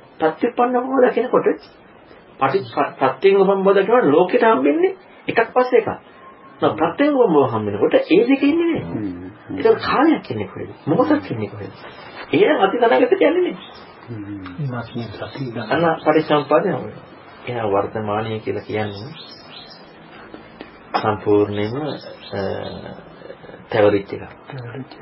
ඉතින් බලන්න ඔය ඔය ඔය තුන අස්සෙන්ද හම් වෙනවා මේ මේ හැබැයි ඒ තුන් විදිහට බලන්න ඕනේ. ඒ කියන්නේ ඒකේ කියන ක්‍රමයට. අර නාම රූප විඥාන මේ මේ විස්තරට දාන්න බෑ. මෙතන මේ විදිහට බලන්නට. ඊළඟට විතර තුනයි. ඊළඟට ආයෙත් පස්සය පස්ස සමගත් පස්ස නිරෝධය. එතකොට පස්සේ කියන්නේ අන්තයක්. පස්ස සමුදය කියන්නේ අන්තයක්. නිරෝධය කියන්නේ පස්සේ නිරුද්ධ වීමනේ. එතකොට අපි දැන් මධ්‍යසූත්‍රේ පොඩ්ඩක් කරමු කළා ඔය කාරණාව. බුදුරජාණන් වහන්සේ නිරෝධය විග්‍රහ කරන කාරණා අපි හැම එකක්ම බැලුවොත් මොකද මැද ඉස්සලා කො තේරුම් ගන්න මැද මැද නොතර වෙන මැදයි තේරුම් ගන්න තියෙන්නේ. නිරෝධී විග්‍රහය හොයාගෙන ගියොත් එහෙම නිරෝධ විග්‍රහය හැමතැනම කියන්නේ අසති බවත් එක්ක. ඉමස්මි හේතු නැති තැනට නිරෝධය කියන්නේ. අපි කතා කරන නිරෝධයේ ඇතිදී නැති බවට. බුදුරණවහන්සේ නිරෝධය කතා කරන්නේ හේතු නැති බවින් හට නොගත් බවට. ඔන්න ලොකු වෙනසක් තියෙනවා. එතකොට අපි නිරෝධය අපට හම්බෙලා නැහැ. ඔන්න නිරෝධය හම්බ නිරෝධය හම්බෙච්ච ඇති බව. නිරෝධය නොතීරුච්ච බව එතනම හම්බෙලා. කියන්නේ හේතු නැති බවෙන් හට නොගන්නා බව කියන එක නම් පස්ස නිරෝධය හම්බ නොවිච්ච නිසා අපට ලෝකේ හැම දැන් අපි දැන් අසුරු විඥාන එකතුන අපි දකින්න නිරෝධය ඒක නැති වීමටනේ. කන සම්බුද්ධ විඥාන එකතුන අපට නිරෝධය හැමන්නේ ඒක නැතිව. පොදුවට බලන්න අවධානය අපට මේ සබ්දය ගැන කන්දිය ගැන හිටියොත් අපට හම්බෙන්නේ ඒ ඒක නැති බවට නිරෝධය කියන්නේ. හේතු නොයිපොත් හේතු නොයිපදීම නෙමෙයි. අන්න නිරෝධය තැවරලා. නිරෝධය තැවරීම මොකද වෙන්නේ? අන්ත දෙකට ගිහිල්ලා. අන්ත දෙකට ගියා කියන්නේ මොකද්ද? පස්සයක් හම්බ වුණා. අපිට ඉස්ලාම ස්පර්ශ නැමුනේ. ස්පර්ශය හම්බ වුණේ ඇයි? ස්පර්ශය හට ගැනීමක් කියන නිසා. ස්පර්ශයක් හම්බ වුණේ ස්පර්ශය හට ගැනීමක්. මේ දෙක දෙකක් නෙමෙයි. වෙන වෙන එකක් නෙමෙයි මේ. දැන් අතීතනාගතත් නාමයක් රූපයක් ඇසත් රූපයක් වෙන වෙන එකක් නෙමෙයි. වෙන වුණා නම් විඥාණය මැද තේරුම් අරගන්න. ඉක්මවලා. එතකොට හැම එකම තියෙන්නේ එකක් එකක් හුදකලාම නැහැ. පස්සේ එතකොට එහෙනම් අන්න ඒක ඒක ගම වෙන හැමතැනම. අර සලායතන විග්‍රහයට මේක හම්බ වෙනව නෙමෙයි බුදුරණාහිගේ මූලික විග්‍රහයට හම්බ වෙන දේ තමයි මේ එකක් හුදකලාම නැහැ. එහෙනම් පස්සේ තියෙන්නේ පස්සේ හේතුවත් එක්ක. ඇයි ඒක එහෙම තියෙන්නේ? හේතුව හම්බ නොවිච්ච නිසා නිරෝධය හම්බුන්නේ නැහැ. හේතුව හම්බ නොවිච්ච නිසා නිරෝධය හම්බුනේ නැහැ. නිරෝධය හම්බ නොවිච්ච නිසා නිරෝධය වැටහුනේ නැහැ. වැට නොවිච්ච නිසා ස්පර්ශයක් සිදු වෙනවා. අන්න ඒකට ස්පර්ශ හේතුවෙන් ස්පර්ශයක් ගත්තා. ස්පර්ශ දාල හේතුවෙන් ස්පර්ශය හටගත්තා. හේතුව දැක්කනම් නිරෝධය කියන කාරණාව හම්බ වෙලා. එන නිරෝධය තැවරලා නැහැ. දැන් ඕකම තියෙනවානේ පංචමාස්කන්ධයේ උදේවයි දකිනකොට ඉති රූපං ඉති රූපං ඉති රූපසත්ංගම. මේ කර්ම ඔක්කොම එකනේ යන්නේ. ඔක දැක්කට නිය මගේ යනවා කියනවා. එහෙනම් මේ ස්පර්ශයත් ස්පර්ශ සමුදයත් දෙක දැක්කට නිරෝධය හම්බෙලා නේ යනවා. අන්න මගේ යනවා. ඕකම සක්කායයි. සක්කාය කියන්නේ පංචමාස්කන්ධනේ. සක්කාය සක්කාය සමුදය. එහෙනම් සක්කාය නිරෝධය හම්බුන්නේ ඒ නිසා මොකද වෙන්නේ? සක්කාය හට කරන්නේ. සක්කාය හටගත්ත හේතුව නිසා. එතකොට දැන් බලන්න මේ එකක්වත් වෙන වෙන වෙන එකක් නෙමෙයි එකක්වත්. මේ ඔක්කොම මේක මේ ඔක්කොගේම මැද කියන එකට මාර්ග ගන්න පුළුවන්. විඥානයේ තේරුණා නම් මාර්ගය හම්බෙනවා. ඔන්න පළවෙනි දෙකෙන් මේක හම්බෙනවා. වර්තමාන තේරුණා නම් මාර්ගය හම්බෙනවා. ඊළඟට සක්කාය නිරෝධයේ පස් නිරෝධය තේරුණා මාර්ගය හම්බෙනවා. හම්බ නොවෙච්ච නිසා පැවැත්ම තියෙනවා. අතන විඥානය හම්බ නොවෙච්ච නිසා පැවැත්ම. ඒක බලන්න මේ තුනේම අපට පේන ලොකු අපිට ගොරෝසු මට්ටමේ එහා ගියපු සිවුම් මතයක් එක හම්බෙනවා. ඒක ඒක නිසයි ඒ ඒ භවයේ මහන්නේ. භවය මහන්නේ ඕක නොදක්කම නිසා. ඊළඟ එක තමයි වේදනාව. සැපාන්තය, දුකාන්තය, අදුක්කම සුඛය මැද. දැන් ඒකෙත් අපි ඉස්සෙල්ලාම මොන අදුක්කම සුඛය. අදුක්කම සුඛයේ කුළු ගැන්වෙන්නේ බුදුරණවහන්සේ දේශනා හැම එකම ගත්තාම අදුක්කම සුඛය තුළ අවිජ්ජානුසය ඇති බව කුළු ගන්නවා. අනික් වගේ නෑ නෙමෙයි. අදුක්කම සුඛය හැම වෙලෙම කුළු ගන්නලා පෙන්වන්නේ අවිද්‍යානුසය කියන එකට. ඒක ඔය මේ සල්ල සූත්‍ර හැම එකම විග්‍රහ කරලා පෙන්නනවා. අනිත් කාරණාව තමයි වේදනා සූත්‍රයේ තියෙනවා අදුක්කම සුඛය ප්‍රකට වන්නේ අවිද්‍යාවෙන් කියලාම ඒ කියන්නේ අනිත් පැත්ත අදුක්කම සුඛය අනිත් පැත්ත අවිද්‍යාව කියලා විග්‍රහ කරනවා. එහෙනම් ඒ කාරණා තුලින් ගම්ම වෙනවා අදුක්කම සුඛයක් හම්බ වෙලා තියෙන්නේ ඒක ප්‍රධාන ඒක ප්‍රකට වුණේ අවිද්‍යාව කියන කාරණාව එක්ක. එහෙනම් අවිද්‍යාව කියන කාරණා දැක්කම අදුක්කම සුඛයක් ප්‍රකට වෙන්නේ නැහැ. අවිද්‍යාව කියන කාරණාව දැක්කම අදුක්කම සුඛයක් ප්‍රකට වෙන්නේ. අදුක්කම සුඛයක් පැනෙන්නේ. අදුක්කම සුඛයක් පැනෙන්නේ අදුක්කම සුඛ දුකක් නැති සැපක් නැති දේ අදුක්කම සුඛයක් කියනවා. ඒකෝට අදුක්කම සුඛයක් කියනකොට දුක සැපට වෙලාන්නේ. දැන් අදුක්කම සුඛයක් දැන කියන්නේ දුක සැප නැති දේ. ඒ දුක සැප නැති දේ අදුක්කම සුඛය නා දුක සැප කරලා ඉවරයි. එහෙනම් අන්ත දෙකට කියලා ඉවරයි. තේරුම් අන්ත දෙකට ගියේ මේ මේ අදුක්කම සුඛේ තේරුම් නොගත්ත නිසා. තේරුම් ගත්තා අන්ත දෙකට යන්නේ නැහැ. අන්න ඒ නිසා පවේ පැත්ත නැහැ. හරි ලස්සන ඒ විග්‍රහය. ඒ කියන්නේ දැන් අතන දැන් අද අද කතා කරද්දී ඊට වඩා කලින්ට වඩා විග්‍රහයක් ආවා. ඒ කියන්නේ ඒ ඒ ඒ පැතිවල මේ බලනකොට ඔන්න ඔය විග්‍රහය විදිහට තේරුම් ගන්න පුළුවන්. උඹවහන්සේ අර චූල වේදල්ල සූත්‍රය මතක් කරපු ඉඳලා ඒකෙන් සාහව ස්වාමීන් වහන්සේ දැන් චූල වේදල්ල සූත්‍රයේනි කියන්නේ දැන් උපාදාන ඒකේ කියන්නේ පංච උපාදානස්කන්ධයට නන්දි රාගයෙන් බැඳීමනේ නේද? ඔව් ඒක තියෙනවා මහ බොන්නමයෙක් තියෙනවා. ඔව්. එතකොට දැන් පංච උපාදානස්කන්ධය කියනකොට ස්වාමීන් වහන්සේ අපිට බෙදිලාම ඒ දේ මෙවුව වෙලානේ නේද දැන්? අජත්තක් තියෙනවා බයිදක් තිබිලානේ ඒ දේ මෙවුව වෙන්නේ. එතකොට එතනින් මෙවුව වෙනව නේද? දැන් බෙදුනට කමන්නේ බෙදිලා පෙවුනට කමන්නේ ඒකට උපාදානය ඇයි නොවෙන්න ඕන නන්දිරාගෙන් බැඳෙන්න නෙමෙයි වෙන්න ඕනේ කියලා. ඒ වගේ එකක්. නෑ ලස්සන විග්‍රහයක් එනවා මෙහිම එකක්. ඔව්. දැන් ඔතන පංචස්කන්ධය කියලා දැමන තමයි වැරදි. ඔතන පංචපාස්කන්ධ දැමීමම තමයි නිවැරදි විග්‍රහය. ඊළඟට දැන් අද ගොඩක් කඩනවා පංචස්කන්ධ පංචමස්කන්ධ පංචස්කන්ධය විතරක් විග්‍රහ කරන තැනත් බුදුරණවහන්සේ අපිටම මහා සමාධිවාර සූත්‍රය. රූපය සතුටින් පිළිගැනීමෙන් රූපය හටගන්නවා. එතන අය උපාදාන කතාවක් කියන්නේ නැහැ. එතකොට ස්කන්ධ කියන විග්‍රහ ටික එහෙමම කියන්නේ පරිසමුපාදයට. උපාදාන ස්කන්ධ ටික විග්‍රහය එහෙමම කියන්නේ පරිසමුපාදයට. ඊට පස්සේ තමයි අර ඛණ්ඩ සූත්‍ර විතරයි ස්කන්ධ උපාදාන ස්කන්ධ වෙන් කරලා ඒකෙන් ප්‍රණවනවා සම්පූර්ණයෙන්ම කාලත්‍රයේදී ලෝකේ ප්‍රකට වීම. ඒකත් පටලවා ගන්න ප්‍රශ්නේ තියෙන්නේ. ඒ කියන්නේ පංච පාස්කන්ධය කියන්නේ මොකද්ද? කියනවා කාලත්‍රය කියනවා. කාලත්‍රය සහ මේ මේ දුර ළඟ සියුම් ගුරුසු 11 ආකාරය කියලා. මේ කෙරෙහි යම් උපාදානයක් රූපේ කෙරෙහි 11 ආකාරයක තියෙනවනම් අන්න ඒකට කියනවා පංචපාස්කන්ධය. ඊළඟට ඔය 11 ආකාරයක උපාදාන ස්කන්ධය. උපාදාන නැත්තම් ඒකට පංචස්කන්ධය කියනවා. දැන් ඕකෙදී ඔන්න බලන්න හරියට හරියට අධ්‍යයන නොකරම සතාන තර්කය තමයි පටිසමුපාද විග්‍රහයකට ඇවිදිලා පටිසමුපාද විග්‍රහයට ඇවිදිලා කතා කරනවා රහතන් වහන්සේට උපාදාන නැතුව ස්කන්ධ තියෙනවා පුතඥයට උපාදාන ස්කන්ධ සහිත. හැබැයි මේකේ විග්‍රහය හරියට බැලුවොත් තව පැත්තක් බලන්න තියෙනවා. මේ රූපස්කන්ධය කොහෙද පැනෙන්නේ? අතීත, අනාගත, වර්තමාන, හීන, ප්‍රණීත, දුර, ළඟ, සියුම්, ගොරෝසු, අජත්ත බලන්න. ඒතර රූපස්කන්ධයේ පැනෙන්නේ කොතෙන්ද? ඔය 11ට. උපාදාන ස්කන්ධය පැනෙන්නේ කොතෙන්ද? ඔය 11ට. එහෙනම් ඔය 11ටයි රූපස්කන්ධය පැනෙන්නේ. නැතුව දැන් රහතන් වහන්සේ කතා කරනකොට ඔක්කොම ඉක්මවීමට කතා කරන්නේ. රූපස්කන්ධයේ පැනවෙ 11ට. එහෙනම් 11 තුල ඉඳීමක්නේ තියෙන්නේ. එහෙනම් ඒක විග්‍රහ කරලා පෙන්වීම ලෝකේ විග්‍රහයක්. ලෝකේ දැන් එතරම් ලෝකේ පැනවිලානේ. අතීත අනාගත වර්තමාන කියනකොට ආධ්‍යාත්මික භාෂ්‍ය කියනකොට දුර ළඟ හින ප්‍රණීත ගුරු සියුම් කියනම ලෝකේ පැනලා ඉවරයිනේ. ලෝකේ පැනවීමේදී රහතන් වහන්සේට උපදන්නේ. ලෝකේ පැනවීම. පටිසමුප්පාද දර්ශනය කියන්නේ ලෝකේ පැනවීම ඉක්මවීමට. අන්න පටිච්චසමුප්පාද දර්ශනයයි මේකයි පටලවා ගත්තාම ඔන්න ඔතනින් වරද්ද ගන්නවා. හැබැයි උතන එතන විග්‍රහය දේශනාව තුලම කුළු ගැන්වෙනවා ලෝකයේ පැනවීමට දුන්න විග්‍රහය. දැන් අපිට අපිට අපි ධර්මයේ දැනගෙනත් දැන් රහතන් වහන්සේ නමක් ඉන්නවා කියලා. දැන් අපට රහතන් වහන්සේ ගැන අපට කතා කරන්න තියෙන එකම විදිය තණ්හා උපාදාන නැහැ කියන විතර.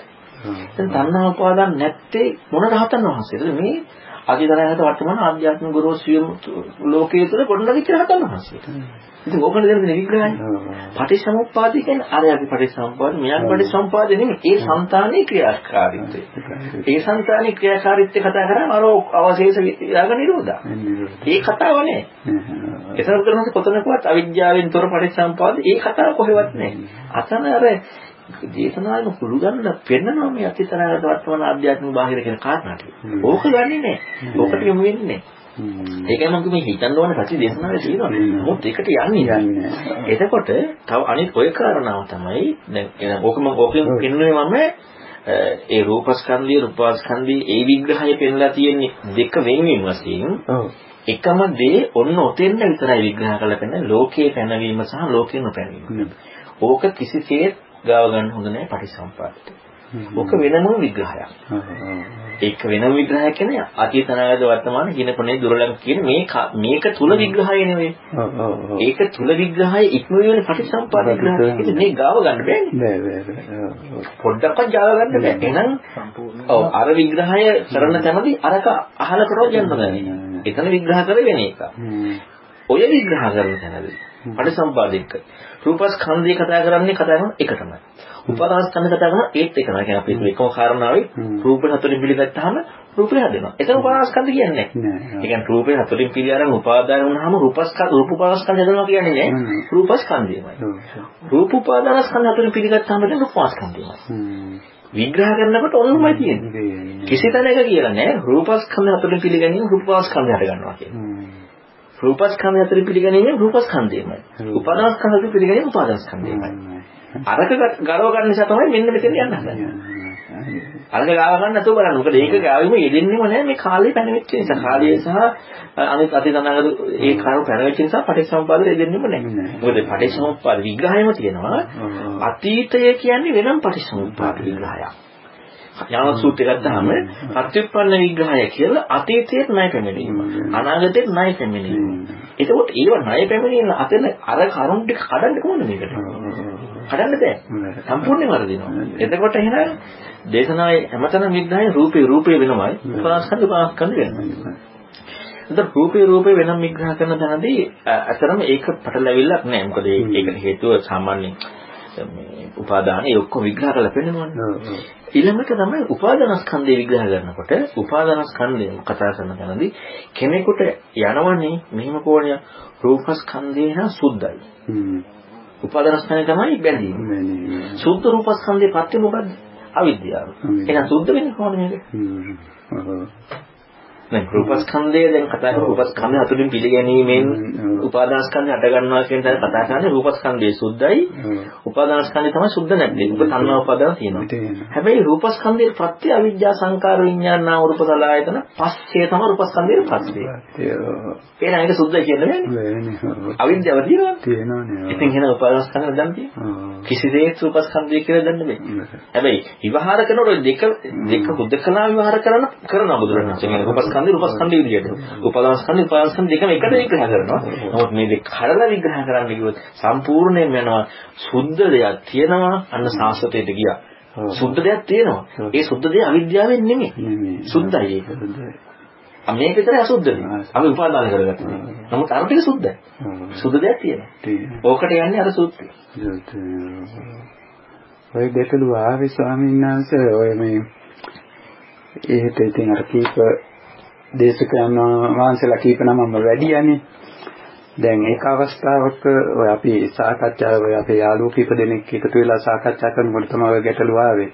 එක අවස්ථාවක ආව ස්වාමීන් වහන්සේ දැන් කියන්නේ මොනවද දැක්කත් ඉන්ද්‍රයන් හයෙන් මොනවද දැක්කම එව්වත් කමන්නේ ඕකට බැඳෙන්නේ නැතුව ඉන්නවා නම් එච්චරයි. ඕන් නිවන් දකින්න පුළුවන්. ඒක තමයි ප්‍රතිපදාව.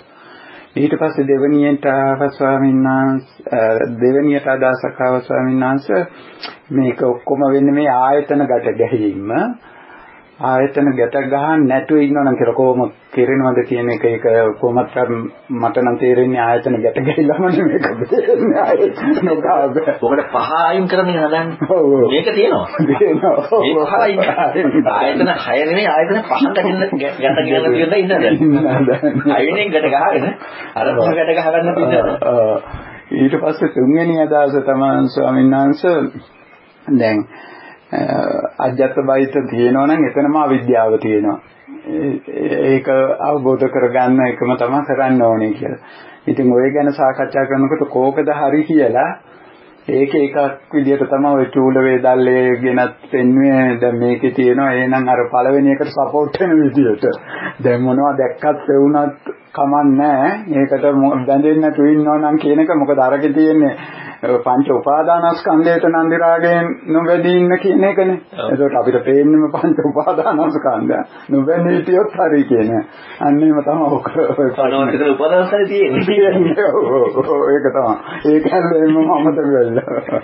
ඒක අර හැම වෙලේම දක්ෂ මෙහෙම වෙනදේ තමයි අපේ ෆෝනෙට ගන්න තමයි ඒක තමයි ඇත්තටම මම මම නිතර පුල පුලා කියන්නේ අද කාටවත් ඇතුළත හැංගීමෙන්ම සක්කාය දිට්ඨිය ප්‍රහාණය කරන්න අවශ්‍යතාවයක් නැහැ. නෑ. ඇතුළත හැංගීම සක්කාය දිට්ඨිය ප්‍රහාණය කරනවා කියන එකම මම වැරදි කියලා හම්බෙන්නේ ඒකනේ. වෙන දෙයක් නෙමෙයි. ඉතින් ඒක නෑ. තියෙන්නේ මම මට තේරෙන බවට. ඒ කියන්නේ මට ගැළපෙන බවටනේ හොයන්නේ. ඒ කියන්නේ ප්‍රායෝගිකව දැන් අපිට වචනෙන් කියනවා අපි දන්න වචන ටිකේ සක්කාය දිට්ඨිය ප්‍රහාණය කරන්න නමුත් ප්‍රායෝගිකවම සක්කාය දිට්ඨිය ප්‍රහාණය කරන්න වැඩපිළිවෙලක්වත් නැහැ. ඒ වැඩ පිළිවෙල හම්බෙන්නේ යෝනි සමස්තකාරින්. එහෙනම් වැඩ පිළිවෙල හම්බෙලාම නේ. එහෙනම් අරුණ උදා වෙන්නේ නැහැ. අරුණ උදා වෙන්නේ ඒ වැඩ පිළිවෙල ප්‍රත්‍යක්ෂ වෙන්න ඕනේ. හැම වෙලෙම ගැලපෙන්න හොයනවනම් වැඩ පිළිවෙල හම්බෙන්නේ ඒක තමයි හම්බ. ඕක මමත් එක්ක මේ පොත වැරදි කියලා මාත් එක්ක දාන්න සත්‍යයක් තියෙනවා. ඒ කියන්නේ පොතේ තියෙන මේ උපාදාන වැරදිලා වැටලා කියලා. එහෙම තියෙනවා. ඒ කියන්නේ එච්චරටම මේ මේ මේ අපේ ගැළපීමට ඒ කියන්නේ අපි ඒකින්ම කියන අපි ගලප ගන්න කැමති කියන්නේ වෙන දෙයක් නෙමෙයි. සක්කාදිට සුළු කරන්නේ අපි ගලප ගන්න කැමති. හරිම සියුම් නේ ගොඩක් ඒකනේ අර උදාහරණ කට ගන්නවත් නෙවෙයි බුදුරණවහන්සේ කිව්වේ. දැන් අපිට මේ මෙන්න මේකට ගලකින් ගහන්න බලමනේ පොල්ලට. ඉතින් අර ඈතින් එල්ලලා ওই පොල්ල ඒකත් ගලකින් ගහන්න බෑ.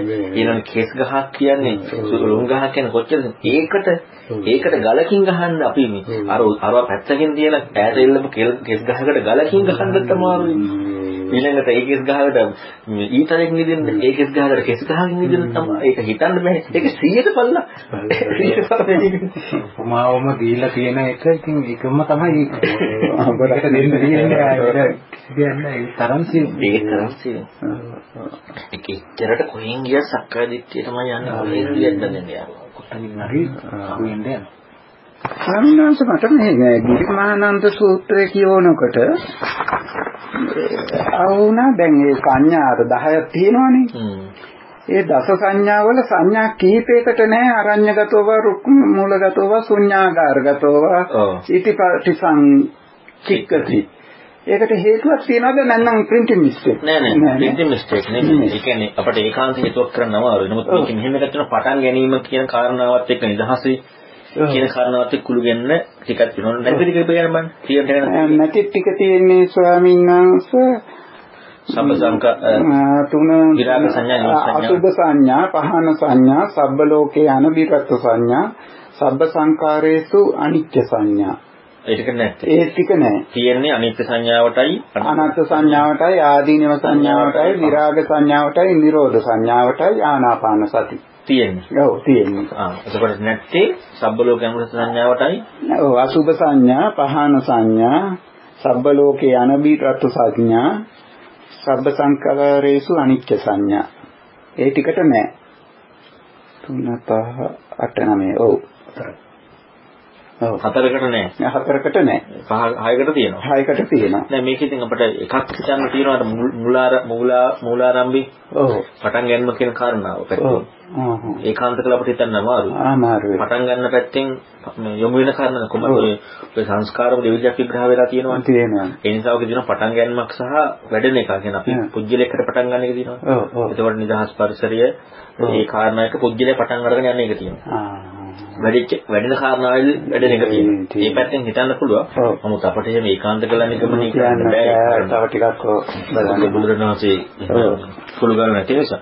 මොකද මේ මේකේ මේ මැරෙන්දක් තියෙනවා මේ මේ ඕ මං හිතේ ඒක ඒක දහන්නේ කියලා මොකද මේ මේ ටිකට් මේ මේ කියන්නේ මේකේ තියෙන කි මොකද ඉන්ටර්නෙට් එකේ තියෙන කි ආ. මේ මේ පොත් මේ වරද්දලා දාලා තියෙනවා මේ සබ්බ සංකාරයේසු අනිත්‍ය සංඥා කියන එකට ච මහ ප්‍රාණ දාලා. ආ. ඉන්ටර්නෙට් එකේ කියන ච ආ. මහ ප්‍රාණ දාලා එතකොට සම්පූර්ණ වැරදි. ඒක ආ. අනිච්ච කියන අනිත්‍ය කියලා දාලා තියෙනවා. ආ. වෙනස් අර්ථය වෙනස් වෙන සම්පූර්ණ.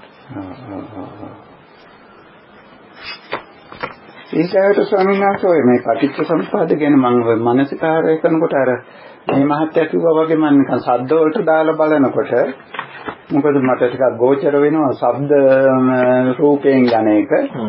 දැන් අපි ගමුකෝ නිකන් ප්‍රබාන කියලා ශබ්දේ. ඔව්. එතකොට දැන් රයන් ර ර ශබ්ද ශබ්ද රූපය ආවා. ඒක ඉවර වුණා. පට ගීන් ඉවර වුණා. අවිද්‍යාවෙන්ම ගීන් ඉවර වුණා. ඊට පස්සේ බා ශබ්ද රූපය ආවා. ඒකත් ඉවර වුණා. න ශබ්ද රූපය ආවා. ඒකත් ඉවර වුණා. ඒ දැන් ඒ ශබ්ද තුනේදී ස්වාමීන් වහන්සේ එතකොට එන්නේ මේ දැන් සෝත සෝතම් පටිච්ච සද්දේ. සබ්දේ සෝත විඥානං එහෙමනේ එන්නේ. එතකොට ඒ පටිච්ච සම්පාදමේකේදී අර සලායතනට වලට එන්නේ සෝත විඥානය නේද? සෝත විඥානය. හයම එන්නේ නැහනේ සෝත විඥානය විතරයි ඒක අකුරකට යනවනම්. ඊට පස්සේ මන ධම්ම වලින් ප්‍රබාන කියන එකේදී අපිට ඔක්කොම මැවිලා පේනවනේ ස්වාමීන් වහන්සේ. එතකොට ඒකෙදි තමයි අර සලායතන වලට ආයතන හයම සම්බන්ධ වෙන්නේ නේ පටිච්ච සම්පාදිතය. අය කියන්නේ නෑ සලායතන කියන විග්‍රහය දැන් ඔක වෙනම තියෙනවා දැන් අපිට සලායතන උදාහරණයක් පුළු ගන්නන්න පෙන්නන්නේ ඔව් ඔව්. පටිසම්පාද වෙනම තියෙනවා මට මතක සූත්‍ර සංයුත්නිකාය දෙකේ සූත්‍රේ නම ලෝක සූත්‍රයේ. පටිසම්පාදේ හය විදිහට කියනවා ඇසෙන් පටිසමුප්පාදේ කනෙන් පටිසමුප්පාදේ නාසයෙන් දිවෙන් කයෙන්. මනස වෙනම වශයෙන් පටිසම්පාදේ ඔව් ඒ කියන්නේ ඇසට වෙනම වෙනම. කනට වෙනම නාසයට වෙනම දිවට වෙනම කයට වෙනම මනසට වෙනම වෙනම. එතකොට අර හය එකට වෙනව නෙමෙයි නෙමෙයි. ඇසට වෙනම ක්‍රියාත්මක වෙනවා. කනට වෙනම. ලෝකසූත් එක ලස්සන තියෙනවා. ඔව්. ඒ කියන්නේ ඇස රූප විඤ්ඤාණ එකකින් පටිච්චසමුප්පාද ක්‍රියාත්මක වෙනවා. කන ශබ්ද විඤ්ඤාණ එකකින් පටිච්චසමුප්පාද ක්‍රියාත්මක. වෙනවා. නාසය ගන්න විඤ්ඤාණ එකකින් ඔව්. ක්‍රියාත්මක වෙනවා. ඔව්. ඒතු අර කාරණා ඒ අර මන මනසට යන කාරණා පටිච්චසමුප්පාද දෙකට නැහැ. බුදුනාසේ මනසින් මනස කතාව දාලා නැහැ. මොකද මනසට යන්නේ මම කිව්වේ රූප සම්පස්සේ. මම රූපයක් රූපය මොකක්ද කියලා මමනේ තේරුම් ගන්න. ඔව් ඔව්. ආ. ඒකට කියන නිසා මනසින්. ඒක පටිච්චසමුප්පාද නෙමෙයි. නෑ. පරිසම්පන්න නොදකපු නිසා තමයි අපි. මනෝවිතරකයක් කරලා ඒකට කියන්නේ මනෝ සංචේතනාව. මනෝ සංචේතනාව ඔස්සේ අපි යන්නේ මේ මේ මොකද්ද රූපික තේරුම් ගන්න. රූපය. ඒක පරිසම්පද දර්ශනය නෙමෙයි. නෙමෙයි. එතකොට පරිසම්පාද දර්ශනය දාගත්ත තැනදී අර එකක් කතා කරන්න බෑ. එතකොට අපි හිතමු අර සාමාන්‍යයෙන් අපට ඇහෙන්න ඇහෙන්න ඕනේ නැහැ මොකුත්. ඔව් ඔව්. ඇහිීමක් කියන්නේ කන සද්දයක් කියලා මැවීම ඔන්න දැකීමම තමයි පටිච්චසමුප්පාද. ඒ කියන්නේ ඒ ඒ හේතු වෙන කන සද්දේ හම්බ වුනේ. ඔව්. සද්ද මොකද්ද නෙමෙයි. ඔව්. සද්ද මොකද්ද කරන්නේ මම? සද්ද මොකද්ද කරන්නේ මම? කන සද්දේ හම්බ වෙනවනම් අන්න අවිද්‍යාව ප්‍රති කරගෙන හම්බුණා. ඔව් ඔව්. කන සද්දේ කියලා හම්බුන පස්සේ දැන් ශබ්දේ රබානක. අන්න ර කියනකොට ඒ මටනේ හම්බුනේ ර. ඒක මට හම්බුනේ. ඒ මම දාගත්තා. සද්දේ මොකද්ද කියන්නේ? නමුත් කන සද්දේ කියන කාරණාව ඒක ගොඩාක් සියුම්. ඒ කාරණාව තමයි මග මම දාගන්න දේ ඉදෙන්නේ නැහැ. කියන්නේ ඒක මම දාගන්න වැරදිව හම්බෙන්නේ කියන්නේ. මම දාගන්න දේ ඉදෙන්නේ නැහැ. හෙලෙන්නේ. අර කාරණාව අපට ඇත්තටම අර සාමාන්‍යයෙන් මම මධ්‍යස්ථානවල සමහර ලාවට භා- භාවනා ක්‍රමවල ගොඩක් තියෙන සංවේදන බලන වේදනාව. බලාගෙන යනවා. ඊළඟ සිතුවිලි බලන්න වේදනාව බලාගෙන යනකොට නැති වෙනවා පේනවා.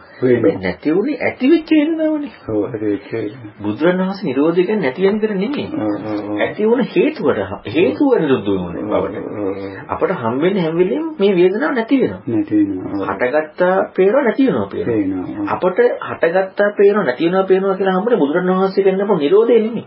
බුදුරණවහන්සේ පෙන්නේ හටගත්ත හේතුන් රුද්ධීමෙන් නැතිවීමට නිරෝධය. නමුත් අතන පේන්නේ හටගත්ත දින තීමටයි. එක දෙකක්. දේව. එතකොට එතන සංසිඳනවා හිත. අනිත් එක දෙයක් හම්බ වෙනවා. ඊළඟට ප්‍රීතියක් හම්බ වෙනවා.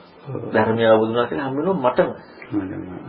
සක්කාය දිට්ඨිය තියාගෙන හම්බ වෙන්නේ මටම හම්බ වෙන්නේ. හ්ම්. ඉතින් ඒ ඒ අපට හම්බ වෙන්නේ සම්පූර්ණයෙන් මගේ කායයට දැනෙච්ච පහසයි ඇති වෙන්නේ. බුදුරණාහි මේ කයයි පහසයි විඥාන එකතු වෙමින් මම කියන කාරණා දුරු වෙන එක. නමුත් අපට හම්බෙන්නේ මගේ කායයට දැනෙච්ච පහස ඇති වෙන එක. ඒ වේදනාව. ඒක ගොඩාක් සිම එකයි මේ මේ මේක ඇත්තටම දැන් මේකට තව සමහර අපට ගොඩාක් වටින දෙයක් තමයි බුදුරණවහන්සේ කාලේ තිබිච්ච සමාජ පසුබිම තුල මේ ඉතිහාසය ඉතිහාසය කියන්නේ දැන් අපි දන්න ඉතිහාසයෙන් රජවරුන්ගේ සිද්ධි දාර්ශනික ඉතිහාසය. දාර්ශනික ඉතිහාසය වැළුවොත් එම අතීතයේ බුදුරණවහන්සේ ධර්මයේ කියලා තියෙන 99.99ක්ම බුදුරණවහන්සේ නොකියුදේ. ඒ කියන්නේ අපි දාර්ශනික ඉතිහාස අතීතයේ වැළුවොත් ඒ දාර්ශනික ඉතිහාසයම අදහසක් තියෙනවනේ. ඒක තමයි බුදුරණවහන්සේ ධර්මයට තියෙන්නේ. සම්පූර්ණ ඒ කියන්නේ දශම බිඳුව බිඳුවක් තමයි කියන්නේ ඒ ඒ හිම කතා කරන්නේ අර අර වචන ටික කතා කරන්නේ විතරයි. අදහසක් යම් විග්‍රහයක් එනවනම් ඒ විග්‍රහ ඔක්කොම අතීතයේ තිබු දාර්ශනික මාත්‍රික. ඒ කියන්නේ විමුක්තියක් හොයපු අය නීති. දැන් මක්කලි ගෝසාල අදිතගේ සම්බල ඕ කට්ටිය නිකම් මතයක් කිව්ව නෙවෙයි. දැන් අපට ඒකට දෘෂ්ටිකෝ කියන්නේ අපි හිතන්නේ අපි ශාස්ත්‍රීය ශ්‍රාවකයෝ කියලානේ. නමුත් එයාලා එයාලට දෙවිවරු ශ්‍රාවකයෝ හිටියා. එයාලට මිනිස්සු ශ්‍රාවකයෝ හිටියා. ඒ නිකන් මිනිස්සු කියන්නේ එයාලා යම් දර්ශනයක් කිව්වා. ඒ දර්ශනය තුළ පුරුගන්නච්ච දෙයක් ඔය. ඔය එයාලගේ අදහස. අදත් තියෙන්නේ අපටත් තියෙනවා අපි බුදුරණවහන්සේගේ වචන ටිකක් දාලා අපි මේ වචන ටිකෙන් අරයාගේ අදහසට ගිහිල්ලා. හැබැයි අපි යාගේ දෘෂ්ටියෙ නෙමෙයි ඉන්නේ. ඒ කියන්නේ බුදුරණවහන්සේගේ වචන ටික අරගෙන අපි යම් කාරණාවක් නිරු නිරව කරගෙන ඉන්න අපේ ෆෝනෙට. අපි නිරව කරගෙන අපි හිතන අපට නම් තේරුණා කියලා. හැබැයි තේරිච්ච අපේ දෘෂ්ටිය මක්කලි ගෝසලගේ දෘෂ්ටිය. හැබැයි මක්කලි ගෝසල කියන විදිහට කියන්නේ නේ. අපි කියන්නේ පංචපාස්කන්ධේ කර්ම ටික පටිච්චසමුප්පාද කර්ම කියන්නේ. හැබැයි දෘෂ්ටි මක්කලි ගෝසලගේ. මම ඒක උදාහරණයක් කියන්න. දැන් මක්කලි ගෝසලලා එහෙම කියන කාරණාවක් තමයි දැන් ඔයා මම මරුවට මට පවක් සිද්ධ වෙනවා. පින පව අදාළ නැහැ. පින පව විග්‍රහ කරන්නේ නැහැ. පිනක් පවක් නැහැ. ධාතු ටිකක් උතනක් තියෙන්නේ. මම කඩුවක් ඇන්නොත් එහෙම ධාතු වශයෙන් ධාතු ගියා. ඉතින් පිනක් පව කතා වෙන්නේ නැහැ. එමනම් රුවන්ගේ සෑයට පූජා කරනවා මල්. රුවන්ගේ සෑයත් ධාතු ටිකක්. මමත් ධාතු ටිකක්. මල් ටිකක් ධාතු ටිකක්. ඉතින් පින පව සිද්ධ වෙන්නේ නැහැ. ඕක විග්‍රහ කරන උන තරම් ඉන්නවා. හැබැයි අපි වචන ටික සත්‍ය කුජින නැති පංචපාස්කන්ධ ක්‍රියාවලිය පරිසම්පද ක්‍රියාවලිය ওই වචන ටිකෙන් හැබැයි දෘෂ්ටිමත් කලේ කොසන දෘෂ්ටියේක විග්‍රහය මේක ඒ වගේ තියෙනවා ඒ කියන්නේ දෘෂ්ටිමයි තනි කර තියෙන්නේ. හැබැයි දෘෂ්ටියක් කියලා හොයාගන්න බෑ. අන්න ඒක සාසන අතුරුදහන් වෙනවා කියන්නේ. අතුරුදහන් වෙනවා ඒ කියන්නේ අතුරුදහන් වෙනවා කියලා කියන්නේ බුදු විලිම කඩන එකටවත් අම්මි හාමුදුරුවෝ මරණ එකටවත් පොඩ්ඩින් තියෙන එකටවත් නෙමෙයි. බුදුරන් වහන්සේගේ ධර්මයේ හැටියට වෙන කාට්‍යයක් කියන එක. ඒ කියන්නේ වෙන කෙනෙකුගේ අදහස බුදුරන් වහන්සේගේ වචන ටිකින් ඒ දර්ශන ටික ඉස්මතු කරනවා. ඉතින් බුදුරන් වහන්සේ වෙන්න වත් කියලා නේ. ඊට මේ අතුරුදහන් වීම කියන එක ප්‍රායෝගිකව දැන් මේ අද පේන්නේ හුඟක් දුරට ඒකමයි. ඒක මේක නවත්තන්නත් බෑ නවත්තන්න අතුරුදහන් වෙනවා. ඊළඟට ටික ටික ටික ටික දැන් දැනටම යනවනේ. මේකයි අනිත් එක සමාන වෙනවා ටික ටික. දැන් අදට ක්‍රිස්තියානි මුස්ලිම් අයගේ සමහර ඒවා සමාන වෙනවා. එහෙම කියන කට්ටියක් ඉන්නවා. ඔව්. ඒක සමාන කර කර යනකොට ඉතින් අර අර අර ශාස්ත්‍රවලයි අපේ ශාස්ත්‍ර දිනමිකයි. එතකොට දැන් මේක කරනකොට අදහස් ටික දැන් අරයක අර එළිය අදහසටනේ දැන් බුදුන් වහන්සේ වචන ටික විග්‍රහ කරේ. අර දර්ශනයට සමානයි. එතකොට දර්ශනයට සමානලා යද්දී ප්‍රඥාවන්තය අඩු වෙද්දී අර පැත්තේ ශ්‍රාවකේ වැඩි වෙනකොට ඒ පැත්තට යනවනේ. එතකොට බුද්ධ කියන වචනේ අතුරුදහන් වෙලා යනවා. අන්න ඒව අතුරුදහන්. නැතු මේ කො මේ මේ මේ ලෝකේ සියලු බෞද්ධ ස්ථාන කැඩුවා. මොනව විනාශ කරත් බුද්ධ ශාසන සුදුහන් වෙනවා. එකම ක්‍රමයේ. වික්ෂුවයි වික්ෂුණිය උපාසකයා උපාසිකා තමයි අසයර කරන්නේ. මොකද වෙන කෙනෙක් කෙනෙකුට ඔක වෙන්නේ වෙන කෙනෙක් දුෂ්ටයෙක් කිව්වට කියන්නේ අපිට කොච්චර බැන්නත් වෙන තැනක ඉඳලා විනාශ කරන්න බෑ. ඔය ස්වාමීන් වහන්සේ මාර්ගයේ වැඩිමේදී වඩන්නෙක් නැති වෙන ලෙස නිකන් යන්න ඕනේ කියන ඒක මුලදී බෑ. යම් ස්ථානයක සම්දිස්ථානයකදී පුළුවන් වෙන්න පුළුවන් නේද ඒක මට වඩන්නේ නැති දෙන මට යන්න බෑනේ. අපි වඩන්නෙක්මයි කරන්න තියෙන්නේ. කරන්න තියෙන්නේ ඒක වෙන දෙයක්. වෙන දෙයක්. ආන් හරි. මට කවදාවත් කරන්න බෑ. බෑ. මම ඉන්නේ මට වඩන්න තියෙන්නේ. වඩන්නේ නැති වෙන්නේ මේ පැත්ත නැති වෙච්ච තරම් නැති ඔව් මම ඉන්නේන්ති වඩන්න ඕනේ. ඕනේ. නැත්නම් මම ඉන්නේන්ති වඩන්න නැත්නම් අපිට කරන්න දෙයක් නෑ. නෑ. අනිවාර්යයෙන්ම අපිට කරන්න දෙයක් තියෙනවාමයි මම ඉන්නවනම් කරන්න දෙයක් තියෙනවා. මම වැරදි බව හම්බෙනකොට තමයි ඔන්න අර ටික ටික අයින් වෙන්නේ. අයින් වෙලා යන්නේ හරි. නැත්නම් ඒක නිකන් අයින් වෙන එක නෙවෙයි. ඔව් ඔව් ඔව්. දැන් ඕකම නේද ස්වාමීන් වහන්සේ අර එක තැන වනවටයි අපේ ලොකු ස්වාමීන් වහන්සේට මම සූපත් වෙනවා කියලා මෛත්‍රී භාවනාවේදී දැන් ගොඩක් අය මේ තර කරන කොහෙද මම කියලා කෙනෙක් නැතුව මේ මේ මම සූපත් වෙනවා කියලා එහෙම කරන්නේ කියලා. හැබැයි ඒ ඔය ඔය දෙයම නේද ඒ කියන්නේ ඒක දෙවි කෙනෙක් කියලා චෝදනා කරන්නේ බුදුරණවහන්සේට.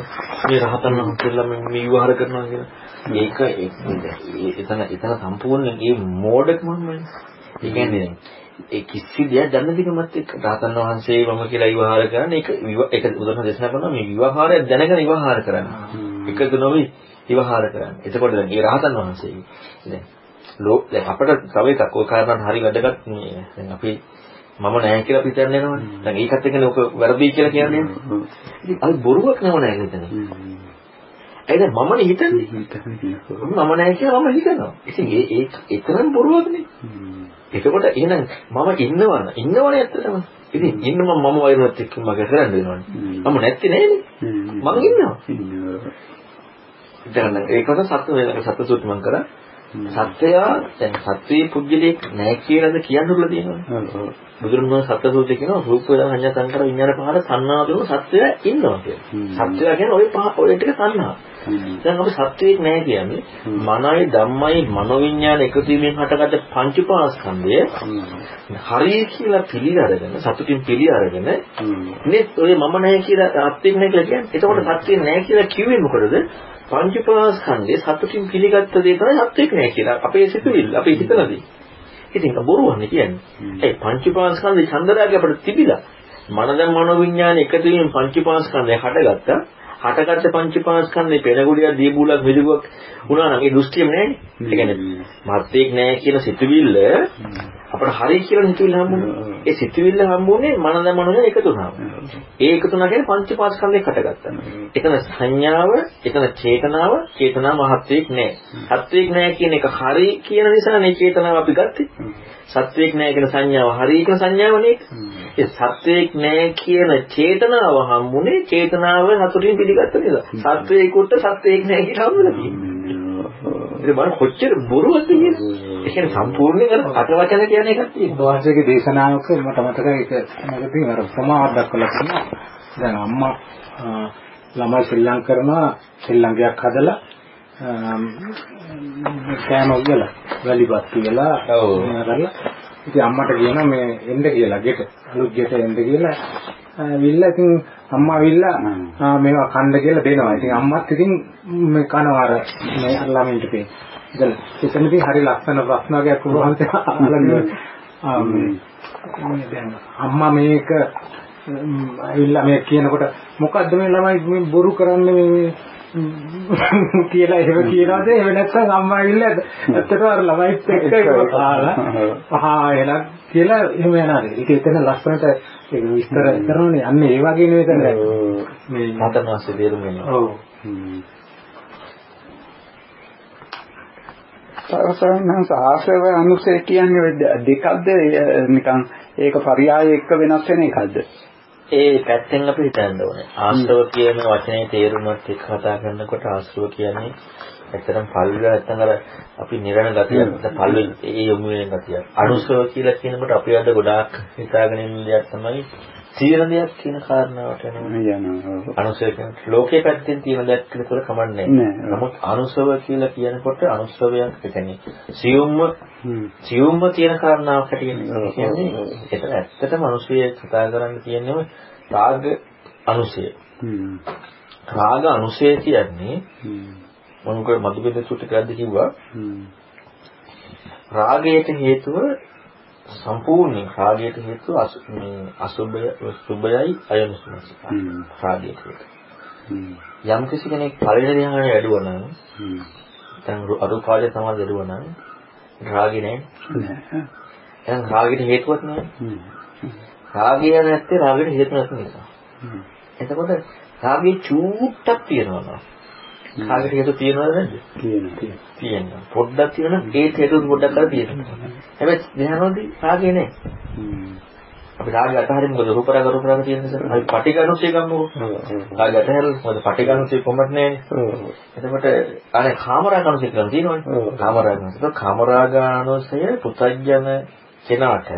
පුතඥ ධ්‍යානලාභයට කාමරාගනුසය තියෙනවනේ. පුතඥ ධ්‍යානලාභියාට අපි දැන් කාමරාගනුසය අපි විවහාර කරන්න ගියොත් එහෙම සියුම්ම තියෙන කාමරාගය කියලා. සියුම්ම කාමරාගයේ නිකන් තියෙන එකක් නෙමෙයිනේ. එක. ඒක සියුම්ම හරි කාමරාගයට හේතු වෙන්නේ සුබ නිමිත්තයි අයනස් ඔව්. ඉතින් එහෙනම් කාමරාගයේ සියුම් හරි තියනවා කිව්වොත් එයා රාගයෙන් නින්තනේ හ්ම්. සියුම්ම තියනවා. දැන් බලන්න අපි එහෙම තේරුම් ගන්න ගියාම ගොඩක් වරදින පැත්ත සියුම්ම හරි තියෙනවා නම් සියුම්ම කියනද හේතුවක් තියෙන්න ඕනේ. හේතු නැතුව සියුම් හරි තියෙන්නේ. එහෙනම් ඒකට විතරාගී කියන්න බෑ. සියුම් හරි තියෙන නිසා විතරයි කියන්න බෑ.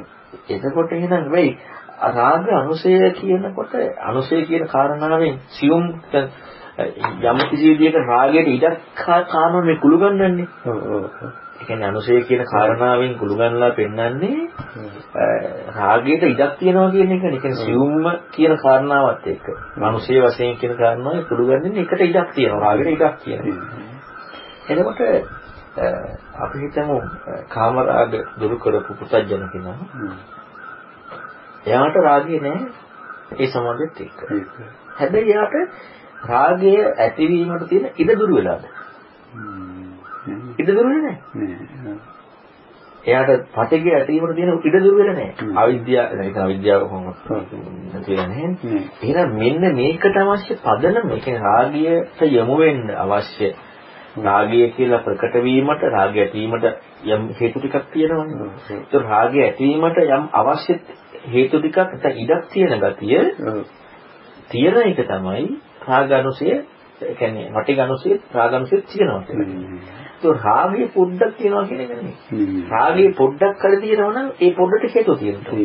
හැබැයි රාගය ඇතිවීමට අවශ්‍ය ඉඩ එහෙනම් රාගයක් ඇති වෙන්න අවශ්‍ය හේතුව හේතු ටික ඒ ඉඩ. කියන්නේ හේතු ටික කියන්නේ සුබනිමතයන් සමර්ථකාර කියන එක නෙමෙයි. දැන් රාගයක් ඇති වෙන්නේ අසුරු පුඤ්ඤාන එකතු වීමෙන් නෙමෙයි ලෝකේ පැවැත්මක් කියන්නේ. එහෙනම් ඒකට ඉඩ තියෙනවනේ යාට. ඒක දුරුල නැහැ අන්න ඒකයි රාගනුසය කියන්නේ. එහෙනම් පැවැත්මට ඉඩ තියෙනවා. එතකොට පටිඝනසය අවිජ්ජානසය මේ හැම එකකින් පැහැදිලි කරලා තියෙන්නේ අන්න ඒ සියුම්ම තියනවා කියන එක නෙමෙයි. හැබැයි ඒ ඇතිවීම මොකද බුදුරණවහන්සේ වෙන්නපු ධර්මයේ සම්පූර්ණ පටිසම්පන්න බව නිග්‍රහය වෙන දෙයක් නෙමෙයි තියෙන දෙයක් නෙමෙයි. එහෙනම් රාගය ඇතිවීමට ඉඩක් තියෙනවා. ඒක ඒ ඒ කාරණාව ක්‍රියාකාරීත්වය නිසා අනුසී ක්‍රියාකාරීත්වය තියෙනවා. ආශ්‍රව කියලා කියන්නේ ආශ්‍රව වල තියෙන ඉඩ තියෙනවා කියන කතාවට වඩා යොමු වෙන ගතිය කියන්නේ ප්‍රවැත්මකට යොමු වුණා කියන ගතිය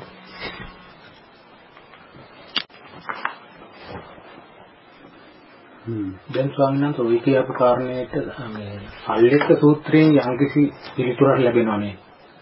දැන් සල්ලික සූත්‍රය දැන් එතනක් සල්ලික සූත්‍රයෙන් පැහැදිලිවම කියනවානේ කෙලෙදුරුම නෙමෙයි කියලා. ඔව් කෙලෙස් දුරුවීම නෙමෙයි කියලා. හැබැයි ඊළඟට ක්‍රමානුකූල අර පියවරෙන් පියවර ඒක ගිහිල්ලා මෙතන පැහැදිලි කරනවා නේද මේ මේ මේකයි කෙලෙස් දුරුවීම කියන්නේ කියන.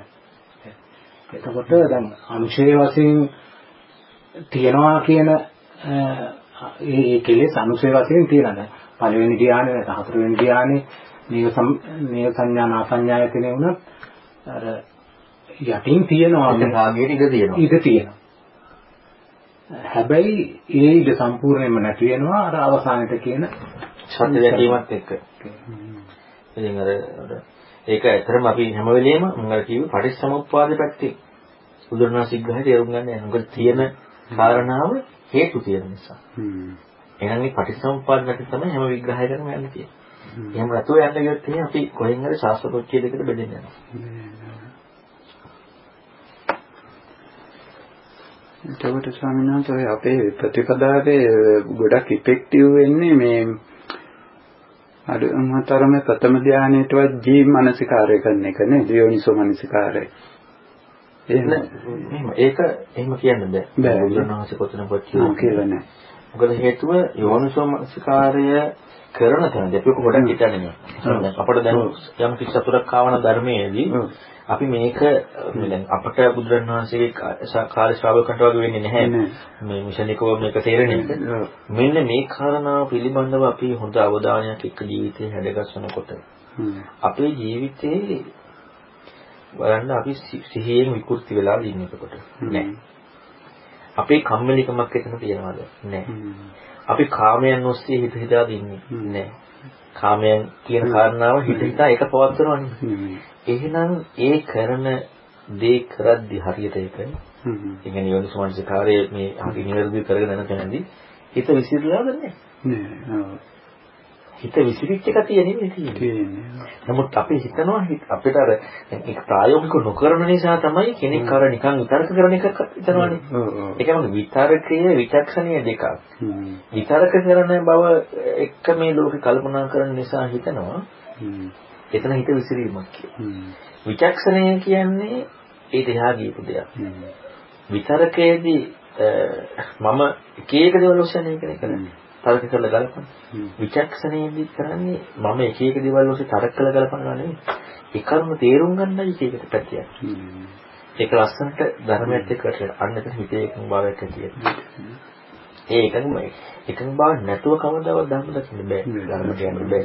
ඒ කියන්නේ ඒක හොඳ මනින්න නිම්මක් තියෙනවා. ඒ තමයි සිත එකඟ වෙන්නතුව හිතට පීඩා කරදර නැත්නම් එපා වීමක් එක්කනම් අපේ මානසිකාරයේ මෙතන ගන්න එක තියෙන්නේ.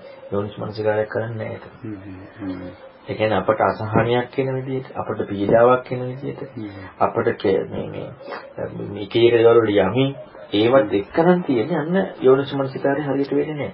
හ්ම්. යෝනිස් මානසිකාරය හරියට එනකොට එයාට අර අර ගතිය දැන් කාමෙන් වලට එන ගතිය ටික ටික අඩු වෙලා. හ්ම්. එතන සිහිය විදිනුන වැඩිනවා. හ්ම්. හැබැයි යෝනිස් මානසිකාරය කියලා අපි අපේ ලස්සනට තමන් උඩා දේවල් හිත යන්නේ නැතුව නිකන් ගලප ගලප ඉන්නවා කියලා තමන් මේ හැමේ රූපේ මේ එතකොට අපිට හිත යන්නේ නැහැ වැඩි. හැබැයි ඒක යෝනිස් මානසිකාරය නෙමෙයි. හ්ම්. එතන අපි ගැළපෙල්ලක් නෙක්කන. ස්වාමීන් වහන්සේ සමුදේ වහයි සමුදේ නිරෝධයයි කියන්නේ ඒ දෙකත් අර විදිහම පරයායන් අනුව ඒක තමයි ඒක ඒකෙත් දැන් මම ඔක අහන ගොඩක් අය කියන කාරණාව සමුදේවය සමුද නිරෝධි සමුදය සම්පූර්ණ. කර්ම කීපෙත්. ඔය කාරණා ඉස්සරලාම කියන දේ තමයි. ත්වය ගැන කරන්නත් එපා, නිරෝධ ගැන කරන්නත් එපා, අස්තංග ගැන කරන්නත් එපා. බුදුරණවහන්සේ තුනේම දේ කරනවා ඉස්සරලා. සමුදේ. ඒ කියන්නේ ඔය තුනේම පොදු කාරණාව සමුදය. සමුදේ වය කිව්වත්, සමුද නිරෝධය කිව්වත්, සමුදය අස්තංගමේ කිව්වත්. පොදු මූලිකම දේ, පොදු සහ මූලිකම දේ සමුදය. එහෙනම් ඒ සමුදය හොයනකොටනේ නිරෝධයක් හරි වයක් හරි අත්ංගමයක් හරි කතා කරන්නේ. තියෙන්නේ. නැත්නම් අපි නිරෝධයක් හරි වයක් හරි අත්ංගමයක් හරි කතා කරන්න යන්නේ බුදුරණවහන්සේ කියපු දේ එක නෙවෙයි. බුදුරණවහන්සේ පොතනකොට කියන්නේ නිරෝධය දකින්න, වය දකින්න, අත්ංගම දකින්න කියන්නේ සමුදය නිරෝධී. සමුදය වය, සමුදය අත්ංගම. සමුදයන කියන්නේ. එහෙනම් සමුදය හොයලා තමයි නිරෝධයකට යන්න තියෙන්නේ. එතකොට එහෙනම් ඔය කියන කාරණා තුළදී බුදුරණවහන්සේ පරියායක් එක කතා කරනවා. හැබැයි අපිට මේ සමුදේ පැත්ත කොච්චර හොයන්න ගැටේ නැත්නම් අර කාරණාව අපිට අපේ කොනේ අපි ඒක දාගන්නේ. එතකොට සම්මුණ නෝකට ලක්ෂණ කාරණාවක් කියන එක තමයි සෝපාදේ සම්පවාසික පරිණාමය. ඒක නම් කාරණාවක් නම් අපි බුදුරණවහන්සේ කියපු සෝපාද අනුපස් විග්‍රහයක් තියෙනවනේ. කෙලස් අර සම්පූර්ණ කරන්නේ ඒ විග්‍රහය තියෙනවා. හැබැයි අපි හිතන්නේ නෑ සෝපාදිශේෂ හෝ අනුපාදිශේෂ හෝ මේ විග්‍රහය තියෙන්නේ නිවනට මිසක් සෝපාදිශ අනුපාදිශේෂ වෙන විග්‍රහයක් නෙවෙයි ඔය තියෙන්නේ. අපි නිවන එක පැත්තකින් දාලා අපි දැන් සෝපාසයස අනුපාසස විග්‍රහ කරගන්න යනවා. ඒක නිවනට තුන විග්‍රහයක් නේ. එහෙනම් අපි ඉස්ලාම් කර යුතු සෝපාසයස අනුපාසස වෙන එක නෙමෙයි. නිවන කියන හොයාගන්න. නිවන හොයාගත්ත කෙනාටනේ සෝපාස අනුපාසස තේරුම් ගන්න ඕනේ. නිවන හොයාගන්න නැතුව මේක විග්‍රහ කරනකොට බොරුවක් විතරයි. නිවන හොයාගන්න බැහැ සොත්පන්නේ නැතුව. නිවන තේරෙන්නේ කොට කොන්න කෙනාට. එහෙනම් සමුදය හම්බෙච්ච කෙනා. එහෙනම් ඒක හම්බෙච්ච කෙනාට තමයි සෝපාසස අනුපාසස කියන විග්‍රහය ඒක හම්බ නොවි. අපි මේ මේක පැත්තකින් දාලා මේ කොච්චර විග්‍රහ දුෂ්ටිත නේද ඒ බොරුදේකට විග්‍රහ කරන්නේ. ඒ නිවන කියන දන්නේ නැතුව අපි ඒක අපට තේරෙන්නේ නැතුව අපි දන්න දෙයකට අපි සෝපාසිත කියන්නේ. මේක අනුපාසිත කියන්නේ මේක හැබැයි බුදුන් වහන්සේ කියන දෙයක් නෙවෙයි. අපි දන්න නිවන අපි විග්‍රහ කරන්නේ ඉතින් මේක ඇත්තටම මේ උදාක් ඇති බලනකොට මේ දෘෂ්ටි වලට එන්න ප්‍රධාන හේතුව. බුදුන් කියපු දේ හරියට අහලා නැහැ. හරියට අර්ධනය කරන්නේ. ඔකම ඔක්කෙම දිගුවන්නේ අර නාරලට කියන්නේ විදීම තියෙන රහතන් වහන්සේට විදීම තියෙනවා. හැබැයි මේ තණ්හාව නැහැ. කියන්නේ. ඉතින් ඇත්තටම විදීම තිබිලා තණ්හාව නැති වෙන්නකෝ ඉතින් ඒ කියන ක්‍රියමන තුන පටිසම්පාද වැරදි. වැරදි. ඒ කියන ක්‍රියමන තුන අපි හොඳට අහලා තියෙනවා. ධර්ම දේශනාවල හරියටම දෙන්නේ එකක් කියනවා. අපිට මෙහෙම හදාගන්න මෙදීම කියනවා තණ්හාව නැහැ කියලා පටිසම්පද කතා නොකර. කියන්නේ පටිසම්පද කතා කරන්නේ නැතුව අතන මම කනසුති විග්‍රහ කරේ. අතීත අනාගත වර්තමාන හීන ප්‍රණේ දුරළඟ සියුම් ගොරෝසු කියන ලෝකයේ තුල අන්න මෙදීම තියෙනවා තණ්හාව නැහැ. පටිච්චසමුප්පාදතාව නැහැ. අපි මේක අපේ දන්න ඔක්කොම ටික දාගන්න නරව මේ බුදුරණවහන්සේ නොකිය කොටියක් අරක මේකට ඇදලා දාලා මේක අරකට ඇදලා දාලා අපි අච්චාරුවක් කරගන්නවා. ඒකෙන් අපි කරන්නේ අර මේ අද වැඤ්ඤාණ ප්‍රතිරූපකයක් දාගන්නවා මේ අර්ථය ඉබ දෙන්න දෙන්නට ඒක නේද. ඒක මාළික පුත්‍ර සූත්‍රයේ දිත්තේ උත්තමත් සම්භවිස්සති සුතේ සුතමත් සම්භව ද එතන මේ මේ දීර්ඝ විස්තරයක් නෙමෙයි දැන් කාලකාරාම සූත්‍රයේ මූලිකම කාරණේ ඒ කියන්නේ ditta සුතමුට විඤ්ඤාත කියන කාරණා. ඒක දැන් අපිට සාමාන්‍යයෙන් කල්පනා කරද්දී මේ දැන් මේ ditta කියන්නේ කොයි වගේ කොහොමද මොකද්ද කියන එක හිතාගන්න අපිට කෙටි මේ යමක් කියන්න දිත්තය ඒ කියන්නේ දිත්තය කියන එක මෙහෙමයි. දිත්තය කියන එක හිතාගන්න තියෙන එකම මගේ හැරු පුඤ්ඤාන එකතු නැතුව ඇසරු පුඤ්ඤාන බව හමු වෙනවා. මගේ හැරු පුඤ්ඤන එකතු වෙන්නේ නැතුව මගේ හැරු පුඤ්ඤන එකතු වීම නෙමෙයි අසරු පුඤ්ඤන එකතු වීම කියන කාරණාවත් එක්ක ගත්තාම වන්න හරි. හැබැයි ඒක හම් වෙන්නේ සෝතපන්නේ නේද? අසරු පුඤ්ඤන එකතු වීම කියන්නේ අන්න ඒක තමයි. හරියටම දික්තය හම්බුණා නම් දික්තය තුළ හික්මෙනවා. දික්තය දික්කමත්තන් බවටපත් වෙනවා. එතකන් තියෙන අපිට දික්තයක් නෙමෙයි දකින්න දෙයක්. ඔන්න ඒකට ඒ ඒ කරු වැරදි ටික තේරුම් ගත්තා නම් හරි. ඒ කියන්නේ අතන කාලකරම් සුත් වැරදි ටිකක් ඒ කියන්නේ රහතන් වහන්සේ නොයෙක් නොවන පැත්තට කියන්නේ. ඒ වැරදි ටික තේරුම් ගත්තා නම් හරි. ඒකට වැරදි එක එකක් තමයි දකින්න දේ ඇති බව. දකින්න මම ඇති බව. ඊළඟ එක තමයි දකින්න දෙයක් නැති බව. එතකොට දකින්න අපි ඔක්කොම එක බලන්න ඕනේ. එතකොට අරමුණක් ඇති බව. ඒක වැරදි. ඒක අනිත් පැත්තම අරමුණ නැති බව. ඒක වැරදි. එතකොට ඇති බව නැති බව දෙකම හම්බෙන්නේ මම ඇති බවට මේ පැත්ත. ඒකත් වැරදි. ඒතකොට එතන තුනක් කියනවා.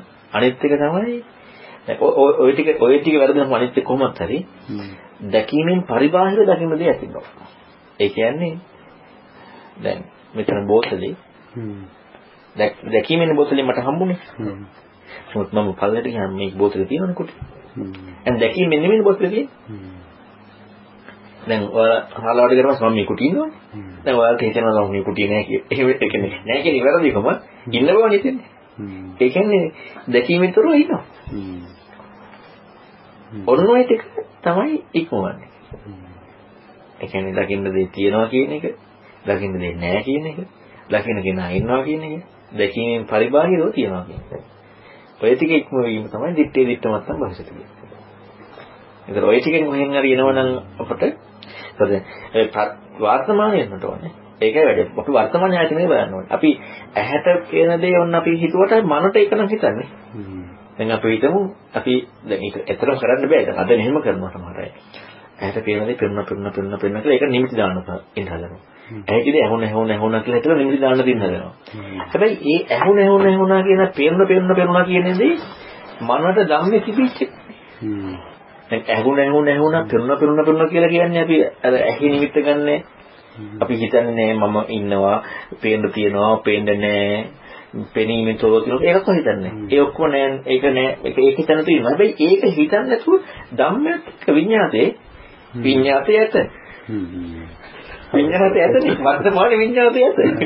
අර ඔක්කොම නැත කියලා. ඒ ඔක්කොම ගිහිල්ලා නැහැ කියලා හිතුනට විඤ්ඤාතේ ඇත කිසි තේරෙන්නේ ඔය ඒක ඇත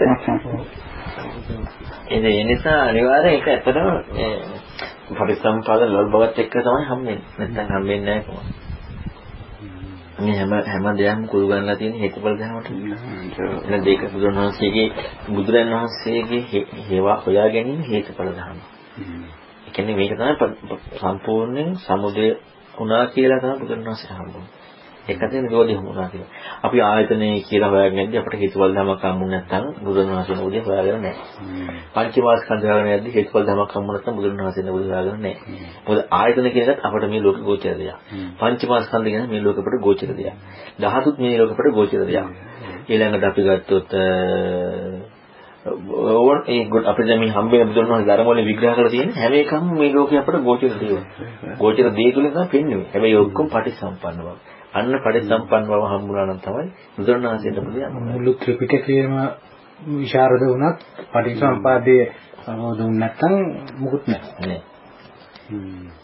දැන් බලන්නකෝ විශාල දැනුමක් අවශ්‍ය නම් චුල් පන්ති නාදක විතරහත් වෙන්නේ. දැන් මේ ලෝකේ මට්ටමෙන් ගත්තොත් දැනුම බිඳුවයිනේ. ලෝකෙ මට්ටමේ. රහත් උනානේ. ඒක මතක තබා ගන්න බැරි කෙනා රහත් උනා. දැනුමක් ඇත්තෙම නැහැ. එහෙනම් ධර්මයේ පුංචි දෙයක්. හැබැයි පුංචි දෙයට ඇතුළේ තීක්ෂණ බව කියනවා. ගොඩාක් දේවල් ඕනේ.